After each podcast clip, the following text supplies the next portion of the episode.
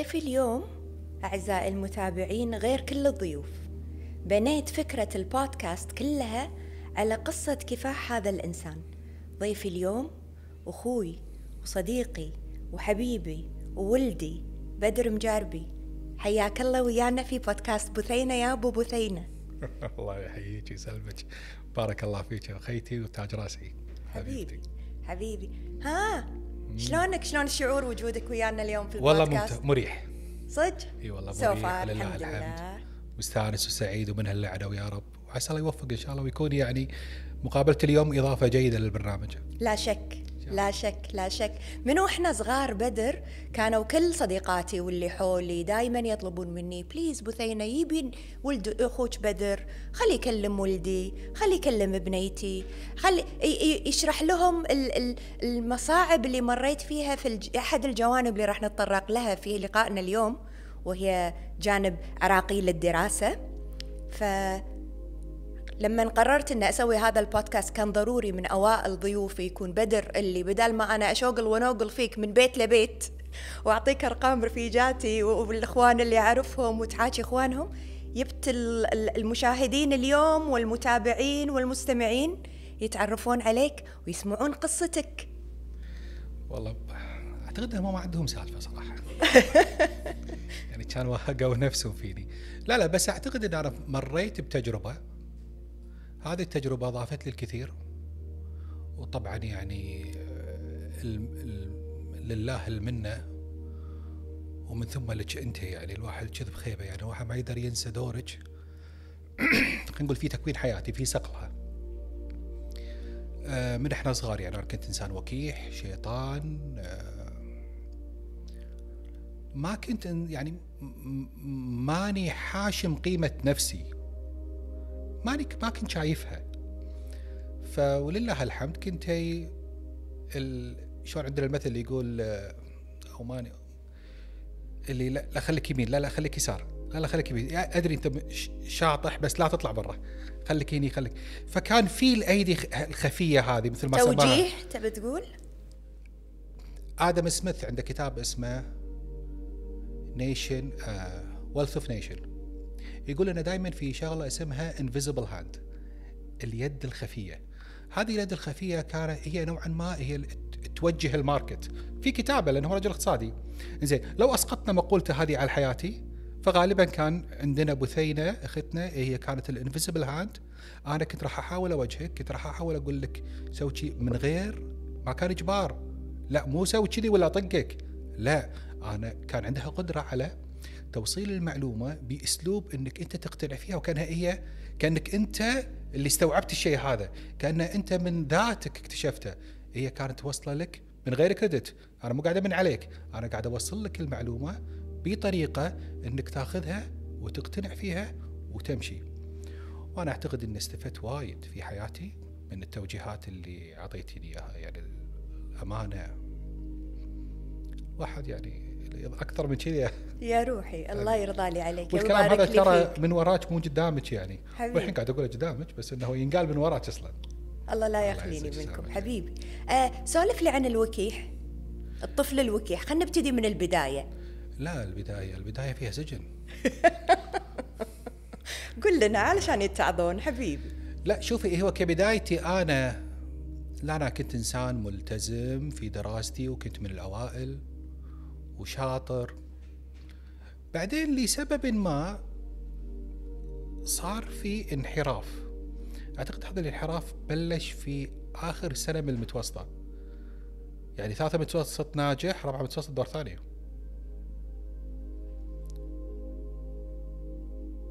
من أولى ثانوي إنسان وكيح جدا غير ملتزم لا بالأعراف العامة لا شيطان. بس إنه مو إنسان خلينا نقول آه، ما أدري شلون أصيد الكلمة. ما هو إنسان يعني دنيء ولا وسخ ولا لا لا لا. يعني كنت شيطان. كان لل... للفريج عامل بهذا الشيء؟ ما أعتقد إنه في عامل غير الفريج أصلا.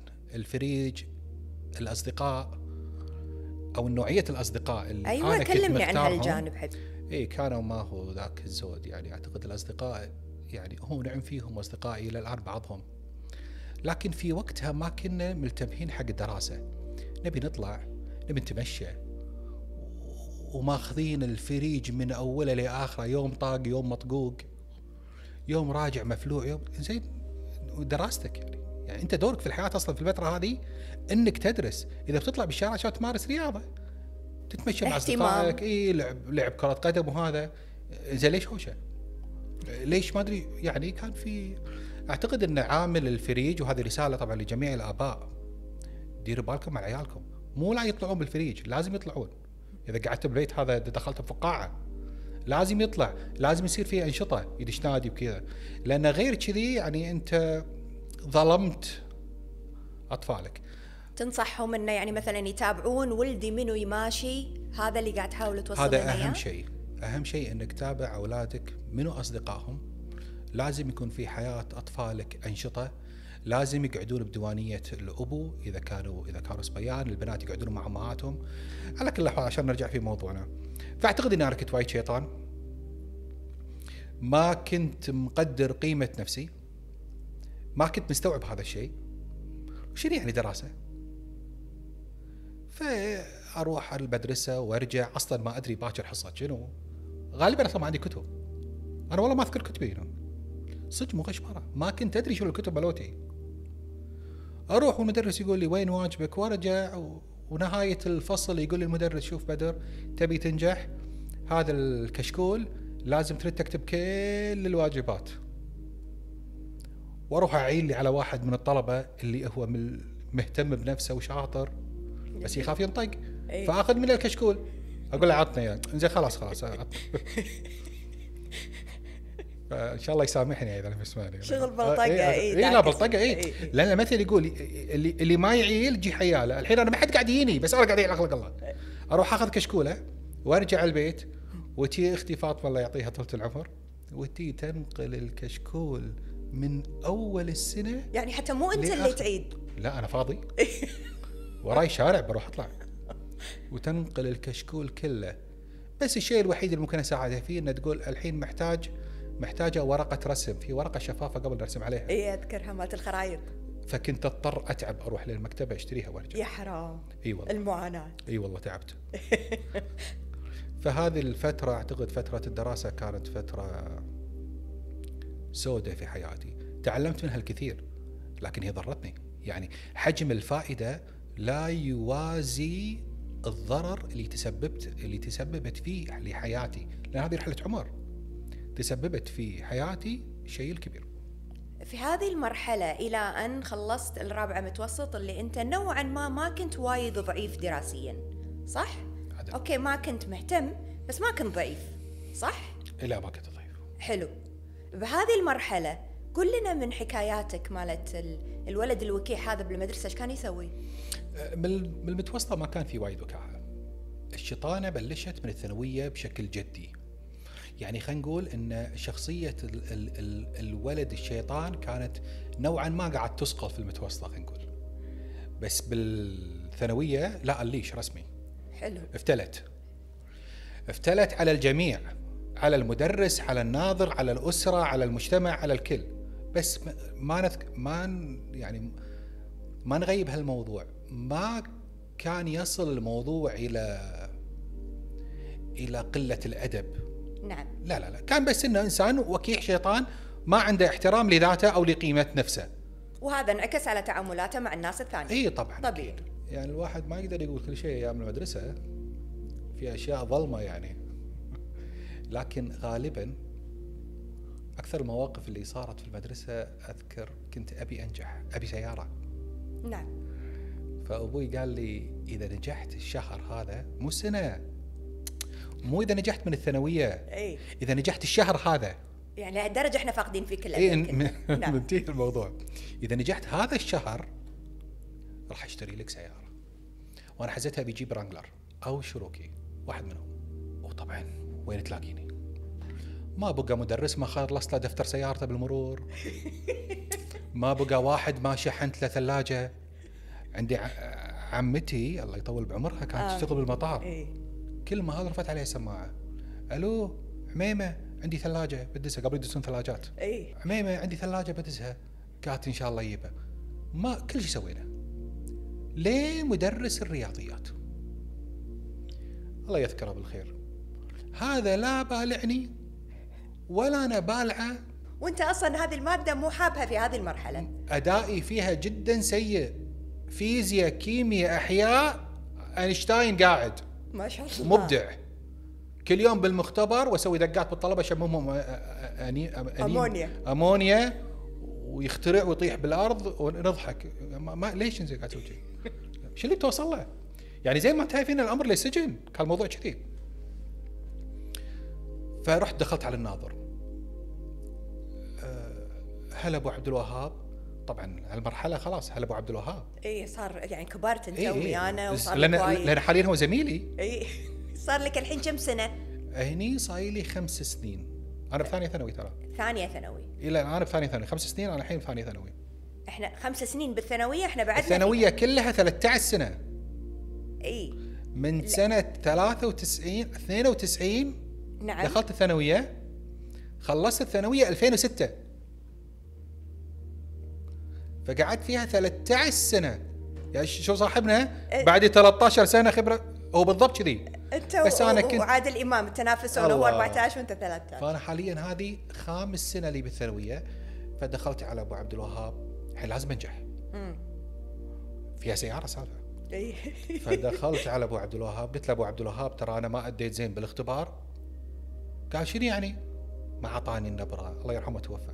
ما أعطاني النبرة اللي اللي أنا كنت متوقعها. أنا كنت متوقع إنه بياخذني بالأحضان بالأحضان. إي- إي، كذي وأخيرا يعني يحط ايده على كتفي يعني. إي إي. كان أبكي. لا أنت ما تدري. قال لا أنت كل أنتم كلكم كذي. من ما تأدون تقعدون تبكون. قلت له لا أبو عبد الوهاب أنت ما تدري. الوالد أمس يانا من بيت مرته الثانية. أبوي مو متزوج ثانية. يا وطق أمي وطقني وطلقها. فخذا يا له دور الأب التربوي. لا لا يا ابني. تفضل اقعد. كان يجيب لي عصير. والله عزت علي نفسي أنا أشتري 100 فلس 150 وهذا يجيب لي اياه ببلاش كان تفضل تفضل العصير اشربه واشرب العصير. قال خلاص ولا ي... ولا يهمك. كان يرفع سماعة على قسم الرياضيات. ألو. وقال له شغلة كذي وسكرة. وقال لي خلاص انت عديت الشهر هذا. الحين هو يعني قام بخدمة اجتماعية. لأن الحين هو حط مكان الاب التربوي والأخصائي الاجتماعي اللي أنا لازم أحافظ على هذا الكيان لا ينحرف. نتلاحق على الولد. اي لازم إي. تلحق على الولد قبل لا يخترب يعني الولد هذا. يعني ما صدقنا صحة ويبي هو لو يشوف ملابسي راح يلاقي على تراب أنا شاقي حطوفه أصلا. توني راجع. كان يقول لي لا لا خلاص بس ولا يهمك المهم أخذ الشهادة وأرجع بيتنا. يبا شوف أنا ناجح. قال لي كفو. وراح اشترى لي أبوي سيارة. بعدها بكم يوم ولا أمي جاية المدرسة. أنا المدرسة فيها الساحة مالت العلم. أنا قاعد بالساحه بطرف الساحة وأدخن سجاير. حزتها أشرب سجاير. بالساحة. بس لما أنا معلم.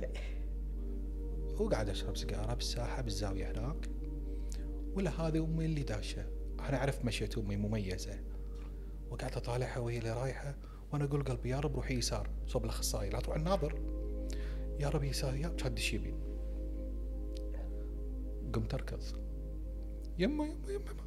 دخلت. وانطر برا لا قوة إلا بالله. الله يستر. يا رب يستر. يا الله يا رب. بعد ما أسوي أي شيء استغفر الله. كلنا كذي ترى في البداية. يوم طلعت أمي كانت تلتفت علي. قالت لي تعال تعال. إيش في ناظركم؟ قلت لها ما إيش في أقول كلمة والثانية. قال لي أنا عارف ظروفك يا ام محمد وأنا عارف إيش فيها ظروفنا؟ لكن طالب منا فلوس أنت ولا شيء تسويها يا يمه قلت لا لا أنت رد البيت وأنا أقول لك. تقول لا تقول لي الحين. قلت لها يما أنت رد البيت وأنا أقول لك. تقول أقول لك تقول لي الحين ولا ادش علي. قلت لها يما أنا أنتم مو تبوني أنا دائما أنجح وأكون ناجح. تقول إيه. قلت لها أنا عشان أنجح قلت له إن أبوي آه، طاقك ومطلقك متزوج واحدة عليك بعد. لا ما قلت هذا تمسخ السالفة. كانت تقوم وتغطي نفسها شي بالعباية. امرأة شرقية كانت تغطي. كانت تقول واحد ما- ينقال يعني عشان الإعلام. شكرا. اي كانت تغطي العباية شي. أفا. نهاية الجبلة. ومشيت. هذا الحين أنا بالنسبة لي افا ولا مو افا أنا نجحت. ردت البيت ورجعنا وصار عاد أشياء ثانية ما حسابك عاد كان بالبيت اي اي هذا لا ما. ينقال هذا عشان حقوق الإنسان والرقابة والأشياء هذه ف ما يصير تنقال يعني. وعدت على خير إي والله هذه كان أحد المواقف مع أبو عبد الوهاب. لا لا قصص الثانوية ما تخلص. يعني من وين ما أبتدي لك ما راح انتهي قصص كثيرة. لكن المضحك في الموضوع المضحك المبكي انه قعدت فترة طويلة فيها لدرجة انه انتقلت إلى خمس ثانويات. خمس ثانويات. أدرس فيهم بس عشان أخلص ثانوية. نعم. من أولى ثانوي إلى رابعة ثانوي لأن قبل نظامنا أربع أربع سنوات. من أولى إلى رابعة هذه بس بروحها 13 سنة مثل ما قلت. 13 سنة. مدة الدراسة من أولى ابتدائي إلى رابعة 12 سنة. أنا خلصت بس من أولى إلى رابعة. الموقف اللي كان محزن أو أحد المواقف اللي كان محزنة بالنسبة لي. هذا كان يعني خلينا نقول انه أول مؤشر. كنت قاعد بالصف ودخل مدرس. فالمدرس قاعد يقرأ الأسماء. فيصل سالم ويرتفع يطلع. خالد علي بدر عبد الله. أنت للحين؟ والله هذه وأنا قاعد أطالعه بكل شموخ كني بالهول حاط ايدي على الطاوله يعني. ما يصير بدر. فأنا خذيتها ضحك. بس بعدين لما صرت مع نفسي أو انزويت شوي أنت إيش قاعد تسوي؟ يعني أنت قاعد تلعب يعني خلاص. خلال الفترة هذه يعني الواحد شاف إن أنت ما منك فايدة من ناحية الدراسة. وكان يعني نقدر نقول ان مو كل الناس شطار بالدراسة. في ناس مهنيين. يعني ممكن أنا لو حاطيني مثلا مجال مكاين ومعدات كان ممكن إني ابدع كان ممكن تكون. مثلا يعني. نعم. في مجال آخر ممكن بالرسم ممكن تروح أبدأ يعني. ما ما, ما أدري أنا مو رسام بس أقصد إن كل شخص عنده مجالات أخرى. فكان أكثر مجال وقتها منتشر انه حق اللي ما عندهم ثانوية شو يصيرون؟ يدخل عسكرية. العسكرية. والعسكرية عمل نبيل يعني ما في أي خلاف. لكن إحنا قاعد نتكلم أيضا عن رحلة عمر ومستقبلك هل هذا المستقبل اللي أنت راح تمشي فيه في وقت أنا ما كنت قاعد أفكر كذي في وقتها أنا بترك ثانوية أبي أصير عندي راتب عشان أعيش حياتي على الرغم إن يعني أهلي أنا بدأوا شوي يسكرون علي الحنفية، أنا أهلي مو من عائلة اقتصادية. يعني من متوسطي الدخل وأقل، ولكن لله الحمد ما قصروا علي. لكن على آخر شيء خلاص يعني مسخت من اللي ما كان فاقد الأمل؟ أختي بثينة الله يعطيها طول العمر. بثينة كانت شو تقول لي؟ والله لو تقعد 100 سنة ما دام أنا مؤمنة فيك راح تكملها يا بدر. ما كانت تقول إياها بالاسلوب هذا لكن الحين أنا عرفت أو الحين قاعد أسمع صوتها تقولها كذي. كانت تقولها بأسلوب مختلف. ما عليه كبوة باكر إن شاء الله راح تكون أفضل. إنت شد حيلك وإن شاء الله. صدق إنت ما لقيت نفسك راح تلاقي نفسك. بمجرد ما تخلص هالشيطانة تتشبع منها راح تلتفت. وهذا الكلام ما كانت تقوله لي أنا بس كانت تقوله حق محيطي. يعني بالنهاية أنا يعني لله الحمد عندي أجمل خوات بالدنيا. وخواتي يعني قراب مني وأنا قريب منهم وأخوي بعد. فيعني دائما إذا يوصلون نوصل حق بعض الكلام الزين عن بعض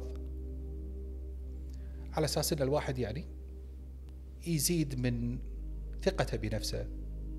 أو يحاول إنه يحسن من أدائه. ويظل حولك دائرة الدعم هذه. دائرة علشان الدعم. ما تفقد أنت في في وقتها خواتي صغار بالسن. الصغار فك نعم. فك فكان اللي اللي اللي ماسكة المشهد بالخفاء ال invisible hand هي أختي بثينه الله يعطيها طول العمر كانت ما تقصر معانا ما تقصر معي بالذات. في هذا الوقت الحين قررت إني أدخل وزارة الدفاع ومع العلم واليقين التام إن هي ما راح ترضى بهذا الشيء. أنا متأكد. لو بقول لها بروح بقول لها بروح أدش وزارة الدفاع؟ لا بتعطيني عاد على بلاط حامض حامض على بوزك يعني. لا تكمل بالثانوية وانت قدها وقدود. ولا حد يكسر جناح جنحانك. لا كمل. ما عليه. إن شاء الله لو مسائي ولا منازل كمل. قمت وتغافلتها. رحت سجلت بالجيش. وطلع طلع القبول. ورحت دخلت وزارة الدفاع. نعم. في أول ليلة والله الحين ما أنساها. كانها عام سنة 2000 أول ليلة في المهجع اللي هو في المن... في المدرسة العسكرية.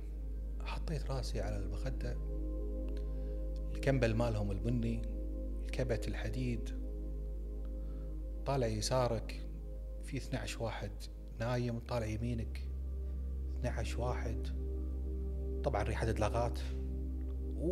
ودلاغي وياهم يعني لأن عسكرية. فيها جهد فيها تعب. هني أنا استوعبت. أنت وين وين مودي نفسك؟ أيضا من الأشياء اللي منعتني إني أطلع كان عندنا هذا المفهوم إن اللي يطلع من العسكرية خلال الدورة لا هذا مو ريال. هذا شخصيته ضعيفة. واصلا من ضعف شخصيتي إني أؤمن بأشياء نفس هذه في وقتها. أو خلينا نقول مو من ضعف الشخصيه خلينا نقول إنه من قلة الوعي في والإدراك, ذاك الوقت. والإدراك. إي نعم. أكيد أكيد. نمت دمعتي بعيني ثاني يوم نفس الحكاية بعد أسبوع قالوا لكم تليفون. التليفون هذا أنا ما أشوف أحد بالدنيا بتصل عليه إلا هو أختي. ترى يا يبا أنا سويت أنا ما اعرف شنو ردة فعلها. لما سمعت الخبر إن بدر ترى الحين أفكر فيه ترى بدر هدم كل اللي أنت قاعد تحاولي تبدينه فيه كل اللي كنت قاعد تحاولي تساعدينه هدمه ترى راح الجيش فأنا أشوف إن أنت تخليت عن أختك. فأول ما قالوا لي لك اتصال هذا كان اقوم واتصل على أختي. ألو؟ هلا بس. بثينة ما قدرت أكمل الاسم. وقعدت بكي. زين ليش تبكي؟ مو بكي من ضعف مو بكي من خوف مو بكي من آه، من التدريب. إن أنت خذلت هذه الإنسانة كذي قاعد أشوفها. وهي شو تقول لي؟ بكل برود وبكل هدوء وبكل ثقة. ما عليه وراح تكون أفضل أنت ولا تحاتي وأمورك إن شاء الله طيبة. يعني ما قالت والله أنت ما عندك سالفة. لا لا لا. okay ما قدرت أبني لك شيء مكان ثاني راح نبنيه بالمكان اللي أنت فيه. فما فقدت فينا الأمل. وهذا الشيء يعني يرفع لها العقال أختي. بثينه وأمام الجميع يعني أقول الكلمة هذه. المهم خلال فترة العسكرية أديت أداء جيد جدا. لله الحمد كنت الأول على الدورة. ما شاء الله. كنت آه الأول في الرماية فزت بكأس الرماية. الثاني بالرياضة. وقائد طابور العرض اللي يمسك السيف. يعني هذا عادة اللي يمسكها يكون شخص يعني أكيد لازم يثبت نفسه اللي مسكت أنت. مو مو مو مو بسيط الموضوع. في ناس يشوفونه موضوع عادي. إحنا قاعد نتكلم عن 600 متدرب كان معانا لأن حزتها كان في المجندين. فإحنا ست سرايا ثلاث سرايا خضر إحنا نسميهم خضر وكذي لأن على حسب اللي كانوا يلبسون إياهم. ثلاث سرايا خضر ثلاث سرايا حمر وثلاث سرايا زرق اللي هم المجندين. فمن هذولي يكون في تدريبات عسكرية فك السلاح تركيب السلاح الاختبارات أنت الأول. بالرياضة أداءك ممتاز. بالمدري شنو؟ مع إني أنا كنت شيطان في العسكرية وانحاش وأرجع ويصيدوني بس إنه فأذكر مرة غلطوا بالاسم يا وقالوا بدر عبد الله الفائز بجائزة آه، حسن الخلق أو شيء كذي. فأنا أنا ما عرفت نفسي صراحة لا في شيء غلط. فلما جيت قلت له أنت متأكد؟ وهم قاعد يقول والله إحنا مو متأكدين لحظة.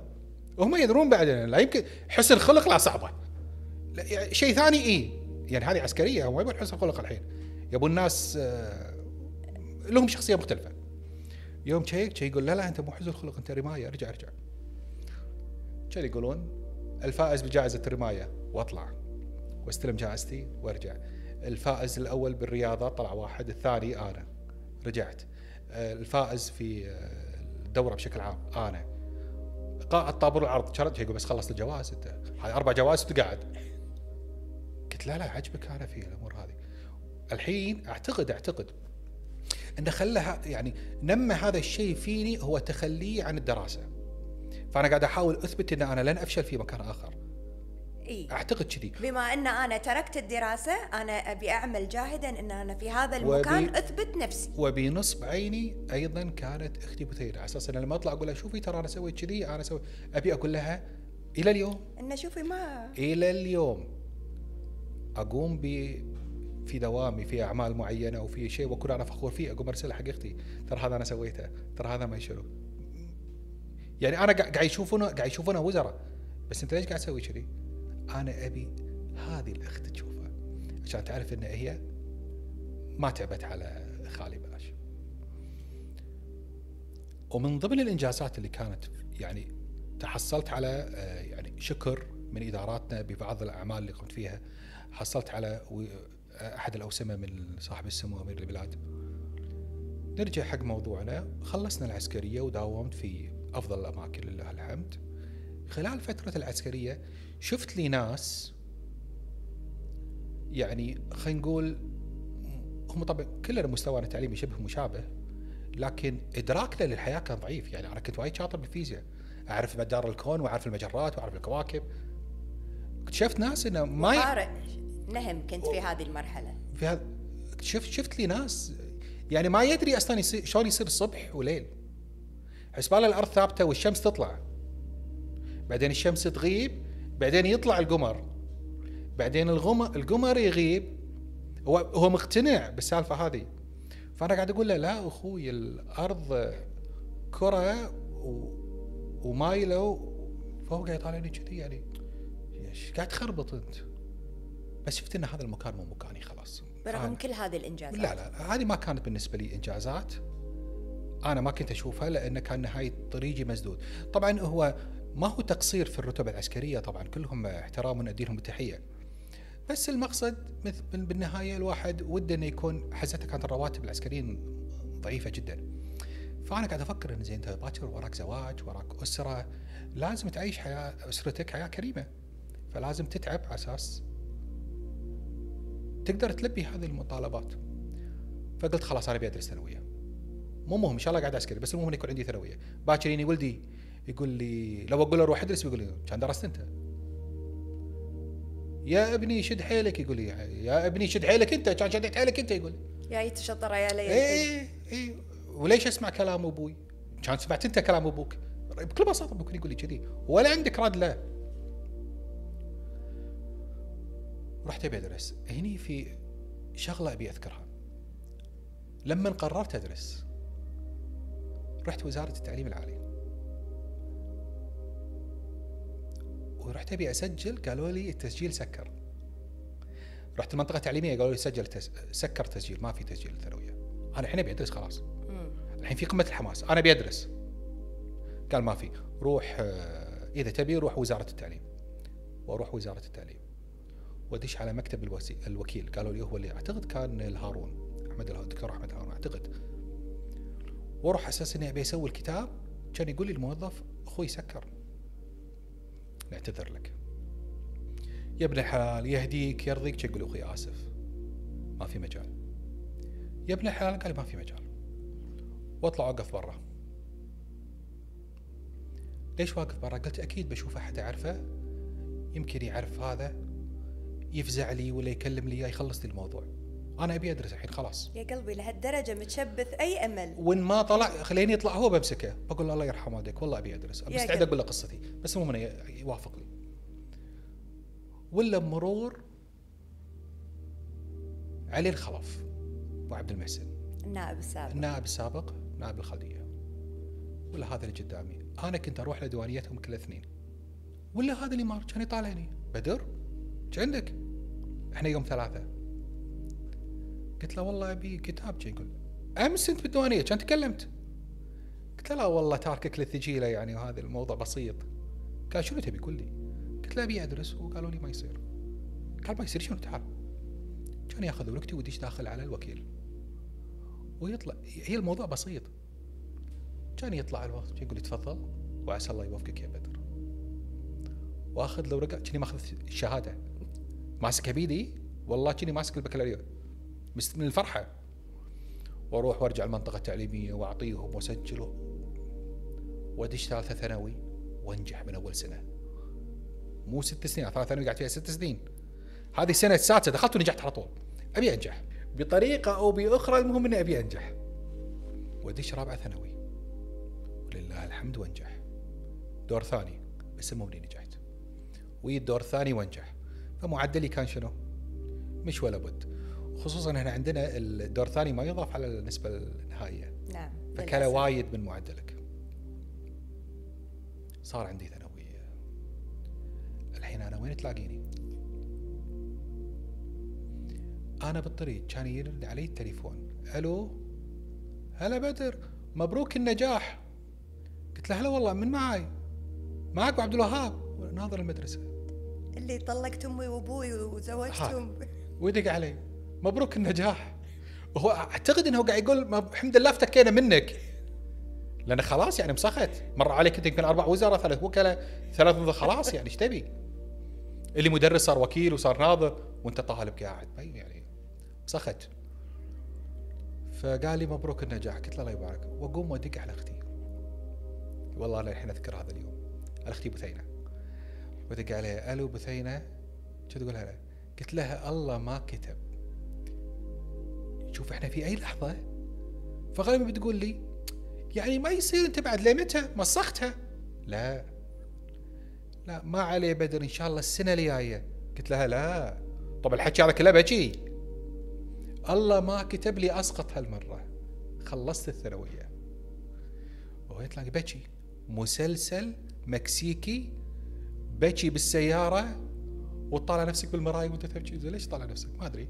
بكي لين وصلت عندها. ولمها هي كانت كانت بتسافر. الحين سفرتها. ولمها واحضنها طبعا أنا قاعد ألمها لي دورها في حياتي ولي أهميتها. والحمد لله نجحت. تقول بس يلا الحين فرصتك. قلت خلاص بنكمل الجامعة ما مشى الحال مع وزارة الدفاع للأسف. حاولت فيها ثلاث سنوات. شنو كانت المشكلة؟ المش... كان في مشكلتين. أول شيء اني كنت بديش ضابط. أحد المسؤولين الله يذكره بالخير يعني أنا دخلت عليه بنفسي وقلت له مسؤول عود. قال لي شوف بدر من الآخر. طول ما أنت بالإدارة هذه اللي تداوم فيها ما راح تدش ضابط أنا أبي ناس مقاتلين. يعني أبي واحد يروح ياخذ لك دورة صاروخ دورة دبابة دورة مدري شنو اشترى السكينة المشرشره مالت رامبو على أساس إني أدخلك. قلت له يعني أروح اخذ يعني أروح أسوق دبابة وتي تدخلني قال لي ادخلك قلت له ماشي المهم كان أطلع وأتلاقى مع سكرتيرة. والله الكلام هذا يذكره السكرتيرة إذا شاف المقام. سكرتيرة مقدم. قلت له إيش رأيك باللي قاله؟ شكله لازم تدور لك دبابة. ويضحك. قلت له الله يسهل الأمر إن شاء الله. رجعت دوامي. قلت خلاص ما كله شنو؟ جامعة. وأرجع اتخلى ثاني يوم. قلت له جامعة؟ قال لي قدم. جامعة قدم. وقدم بالجامعة مشى الموضوع خذ وقت بس مشى. بالنهاية ما رضوا يرشحوني عشان النسبة. هم كانوا يبون 65 أنا نسبتي ماينس أربعة يمكن شيء كذي يعني. نسبتي وايد من الدنيا يعني. ما تدخلك سجن فأنه بجامعة. فأعتقد ما ما رضوا يعني. قالوا لي ما رضوا يدخلوني جامعة. نسبتك وايد قلت خلاص. تدرون شلون؟ كنا مسافرين. أول ما رجعت من السفر كان يوم كنت مصارع كتابي قالوا لي مرفوض. قلت حط ورقه بيضاء. واكتب على الورقة البيضاء يرجى قبول استقالتي. زين هذه يرجى قبول استقالتي انت مجرد ما تكتبها أنت على طول لازم تتذكر أقصاد. ما بقى فيزا وماستر إلا أنت ولا شطهم التزامات مكالمات تليفونك. يعني هذا كله راح يروح بيوم وليلة. منو راح يوقف وياك. وقدم استقالتي واكلم أختي قلت لها ترى أنا قدمت استقالة. كنت تقول لي ليش؟ قلت لها نكمل الدراسة. كنت تقول ما دام إنه في توجه أنا علي مناك يا بدر. الله يعطيها طول العمر. والله إنها شالت عني هم كبير. الله يعطيك طول العمر يا قلبي. وتي وتقول لي شنو التزاماتك في البنك؟ يبهم. وتسدد لي كل التزاماتي. قرض قسط بنك الفيز. كنت تقول لي ال pocket money مالك يوصل لك ليه عندك؟ ما دام في ما دام مرسومة خطتك؟ ما يجيك الضيم افرح واحتفل. دامنا يا زين تحمل العظام. يعني بحذافيرها الكلمة كانت قاعد تقولها واقع. كانت تقول لي يلا وتركب معي السيارة ونطلع البحرين. ونسجل صح رحنا برمضان. برمضان ونبحث عن أفضل جامعة والله الحين اذكرها ورحنا سجلنا فيها ودفعنا رسوم ورجعنا. ويكلمني ولد عمتي ولد عمتي حزتها يدرس هندسة في لندن. في لندن. إيش عندك بالبحرين لا يبا تعال لندن. إحنا بلندن الوضع زين والأمور تمام وكل شيء. قلت له شلون سجلني؟ قال خلاص أمشي. ويدق علي واحد من معارفنا. يدرس بمصر. قال انت وين رايح بلندن؟ تو يقول لي فيصل. قلت له بدرس. قال شو اسم هالجامعه؟ قلت له جامعة فيصل اسمها Greenwich يقول هذه Greenwich موجودة بمصر. ليش ندايرك ست ساعات وتكلفة ودراسة وغالية وعلى حسابك لا تنسى؟ قلت له يعني شو تشوف؟ قال تعال عندي مصر قلت له مصر مصر. مصر حزتها الجامعات الخاصة كان عليها كويستشن مارك ضخم جدا. جامعات يعني كانت سايبة الوضع يعني. ما أدري شلون بس كان النجاح بشكل غريب يعني. يعني ينجح و... ما أدري شلون كانت طريقتهم بدون التزام حضور. نهاية نهاية. كان ضغط. كان كان لعب كان لعب بكل بساطة. والدليل آه، تم إغلاقهم. حجزت. وأنا رايح على أساس إني أسجل الجامعات بأحد الجامعات هناك. وأنا بالمطار فاتح الجريدة. شكرا بالجريدة مكتوب. كان شهر تسعة. مكتوب آه، إلغاء الاعتراف بجميع الجامعات المصرية. باستثناء جامعتين. الجامعة البريطانية اسمها ال MSA اللي هي اللي فيها Greenwich و Middlesex Middlesex وجامعة ال AUK AUC اللي هي American University في Cairo. وأطلع هناك ويستقبلني المندوب الجامعة. مندوب الجامعة ريال ملتزم. لحية طويلة. وأنا معي دولارات. قلت له أخوي لا لا أنا ما أعطيك الفلوس قدام الناس. قال أنا عارف أنا عارف خل نروح السفارة. رحنا السفارة. أخذ الفلوس يقول أنا كثير بيحصل معي الموقف هذا. ف رحنا السفارة قلت له شنو الجامعة؟ كان يقول لي شوف ما بقي إلا الجامعتين هذولي. وهم الجامعتين الوحيدين اللي الدراسة فيهم باللغة الأجنبية. قلت له أصلا أنا أبي بس اللغة الأجنبية أنا ما أبي باللغة العربية. أفضل اللغة الأجنبية. قال لي الجامعة ترى نسبة التنافسية جد فيها جدا عالية. فيها أجانب فيها من جنسيات عربية. فالجامعة قلت له أنا أبي هذه الجامعة. يا ابني فكر شوية خليك على المعادي خليك ما أدري شنو. ما أنت عاوز تنجز يعني قاعد يعطيني اياه قلت له أنا ما أبي أنجز أنا أبي أنجح أبي أرجع متعلم. قال والله أنت كيفك؟ قلت له ماشي. ونروح نسجل في الجامعة هذه. وأرجع الكويت اللي هي شنو؟ اسمها بدر الجامعة؟ اسمها MSA طبعا هذا العام. أنت لما تاخذ شهادة تاخذ شهادة بشهادتين. التعليم العالي المصري وعلى حسب ال- إذا أنت council لا مو شو اسمه؟ جر- Greenwich ال Greenwich تختم لك على جامعتك إذا كنت أنت management أما إذا كنت طب Middlesex هم ال Middlesex هم اللي يعطونك اعتماد الشهاده فهو كان في اعتمادين. وروح وادرس هناك. الدراسه كانت ممتازة. وفعلا مثل ما قالوا الفاكولتي آه، المباني الخدمات ال- ال- الداعمة للمباني شيء فخر فاخر فاخر جدا. وي واختبر انجليزي وانجح ويحطوا لي جدولي وادش ادائي بكل المواد. فوق الممتاز أنت كم عمرك الحين يوم دخلت 30 هذه سنة. الجامعة بدر؟ 30 سنة. 30 سنة. الكلام هذا 2009 2010 سنة دراسية 2009 2010 في دكاترة كانوا من سنك شيء؟ في عصر طلبة؟ 30 سنة؟ لا لا أنا كنت كبير بالسن ما كان في أكبر مني. أنا كنت غالبا أكبر واحد بال والوحيد اللي اسمه بدر. ما شاء الله. إي والوحيد اللي كان اذكر أنا كان الوحيد اللي اسمه بدر. واللي كانوا معي يا درس أنا بالرياضيات ادائي مو ذاك الزود ادائي ضعيف جدا يعني. من الثانوية وأدبي. وماني فريش ما أذكر شيء. والأغلبية الطلبة موجودين. fresh فالدكتور قاعد يكتب إكس واي وزد. أنا بالنسبة لي هذه X يعني راح أكملها ب O وتصير لعبة. أما عارف سين وصاد؟ وأدبي. فما أدري وش قاعد يقول أصلا. فبلش ب X O وخلصت الصفحة أنا متوقع الحين الخطوة اللي بعدها يقول وهكذا تعمل القوى الذريه أنا شو متوقع؟ إنه من كثر ما كان شيء معقد وايد بنظرك. شخبط وايد إيه. شخبط. إيه. أنا ما قاعد يقول. في أس في ر- ما شفته. في رقم يحطونه فوق المنشور وأنا قاعد كان ارفع يديني قاعد participation هو قال في درجات حق ال participation حلو. المشاركة عليها درجة. وارفع يديني قلت له أستاذ دكتور. طبعا هذا مو دكتور إيه. لازم أقوله. اسمه عادل حمدي. هذا بروفيسور رئيس قسم الهندسة.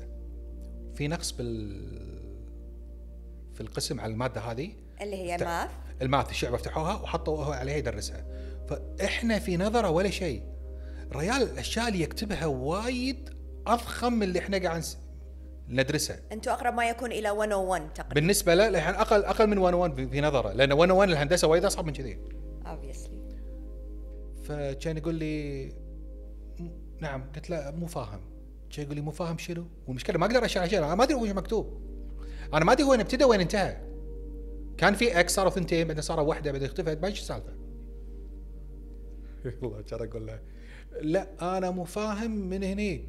كان يعصب. ليش عصب؟ أنا ما أدري بس واضح إنه كان يبي كبش فده كان هذه ثاني محاضرة ثاني محاضرة. كان يلتفت علي ويحط صبعه قدام عيني. انت ما تتكلمش وأنا بتكلم. حمق علي. يعني صدق اعطاني عين حمراء. وأنا بكرسي متيبس وفيني رجفة. وقدامي شيئين. يا قوم اطقه. كنت سويتها مع مدرس قبل؟ ففي يعني حالة سابقة. يا قوم اطقه. يا انشعم واقعد فقررت اني انشعم وكان قرار سليم والتصرف يعني. السليم لا لا لا شك. قرار سليم يعني. واقعد بمكاني. وش كل شوي ينغز لو مش فاهم اسحب المادة. لو ما أدري شنو وأنا منثبر بمكاني. لين طلع. خلصت الحصة طلع كان الحكى على يميني ويساري في شباب قاعدين. فاللي على يميني حط إيده على كتفي ويقول لي ما تشغلش بالك يا بدر. إحنا هنرقع معاك. يا قلبي. كان يحط ايده اللي على يساري على كتفي شوف الحب في المكان كان. يعني كان في ناس وين ما وقعت في ناس تساعدك يا لله الحمد يعني دعوة لهم. بخير وأنا أختك إيه سبحان والتفت يساري ولا هذا هو نفسه. على يساري يقول لي هم راح قلت له أنت توم؟ ولا توم؟ صدق. طلعوا توم. توم قاعدين ياسر و- ومجدي. ياسر ومجدي. الله يعطيكم العافية بس شوية برجع لكم. كان اقوم الحق البروفيسور. قلت له دكتور يلتفت علي. أيوه. قلت له دكتور أنا لما أقول لك أنا مو فاهم أنا مو لأني إنسان غبي. أنا صاير لي فترة طويلة ما درس رياضيات وأنا أدبي. وأنا كبير بالسن أنا عمري واحد وث... عمري 30 سنة فأنا مو جاي العب قال لي ما تشغلش بالك وإن شاء الله تنجح. بس أنت شد حيلك. قلت له لا راح أفهم إن شاء الله. شو يقول لي؟ ماشي هم ما برت كبدي إي ظلت بخاطرك ده إي حازة حازة. وي أول اختبار ويجيب اثنين ويجيب نص من خمسة. لأن ذكرتها نص من خمسة. والدكتور يقرأ أحمد خمسة من خمسة آه، ما أدري منو أربعة من خمسة جورج ستة من في بونص. آه، بدر نص من خمسة. وطالعني تجيب نظره لا هتنجح. أنا بكل جبروته طالع. كذي. إيش تبي نص؟ نظرة تحدي. إيه ما ما تحدى منه أنا واثق من نفسي. اي يعني يا تدرس إيه. يا ما التحدي هذا ما يفيدك. وفترة ال midterm اللي هو اختبارات الفصلية. ويجيب خمسة من عشرين. خمسة من عشرين. total درجاتي خمسة ونص من ستين. هذا وانت ذابح نفسك دراسة يعني إحنا لا مو مع آه. هو للحين ما سويت شيء أنا. للحين إحنا. تونا بعدنا. اي اي دوب أنا قاعد أتعود على وجودي في بلد غريب. إيه. الشقة بغسل المواد هدوم الثانية أدائي زين. داخل الشقة البهدلة. البهدلة. يا بهدلة بهدلة. أنا ما كنت متخيل إن الفوطة شي ثقيلة لما تغسلها. ثقيلة ترى مو قشمره صدق تصير ثقيلة وايد الفوطة. خصوصا ال- ال- ال full size هذه لما تيجي ترفعها من الغسالة عشان تحطها بالنشافة عفوا بالطشت قبلها على أساس لأن ماكينتي أنا كانت بسيطة. اي لا دورة المياه صغيرة عشان تحط فيها وتحطها بالطشت عشان تشطفها تحط عليها ال شو اسمه اللي يطلعون الريحة. اي كم لهاي كمفورت detergent. والاشياء هذه إي. إيه، وتشيله وتحطها بالنشافة. إيدك وأصابعك يتغزز تقطع. لا لا لا الله يعين اللي ماسكين الموضوع هذا في البيوت. المهم عشان لا نطول عليكم قمت ومسكت أحد المدرسين. قلت له أنا ماني عارف شو أسوي. كان يقول لي روح كلم الدكتور. وقول له إنك راح تشد حيلك وشوف إيش يطلع وياك. لأن إحنا قاعد عندنا مشرفين. نعم. فهذا مشرف. مم. فقاعد أقول له الحين شنو الأس- ال advisor يعني؟ نفس ال advisor نعم. قلت له شنو أسوي عشان أنجح؟ كان يقول لي بدر لو تجيب full mark بال final انت ساقط. بهذه المادة. يعني إيش راح تسوي؟ انت ساقط.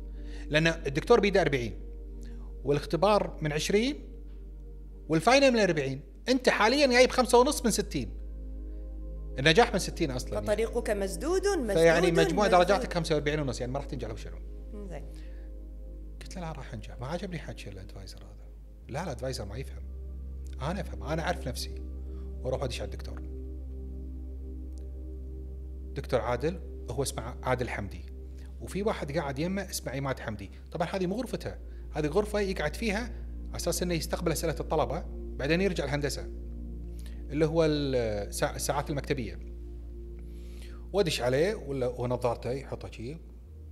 لا وبها أباها. اي وقاعد يقرأ ويطالعني يجيب طرف عينه. وادش عليه السلام عليكم هلا دكتور. ويطالعني يجيب طرف عينه. أيوه يا بدر. قلت له دكتور لو جبت full mark بال final أخرج برا يا بدر. قلت له لا لا لو لو كان يقول أخرج برا يا بدر. قلت له يا دكتور أنت بس اسمعني. لو قال يا بدر لا تعور رأسي اطلع برا. فقعد يمه دكتور عادل عماد. فقال له يا, بروفيسور ما تسمع منه يعني. هي كلمتين عاوز يقولها الولد وخلاص يعني خليه بخاطره خليه يقول اللي يقوله يعني. اي ليش تذكروا علي؟ اي شي يقول أيوه يا بدر.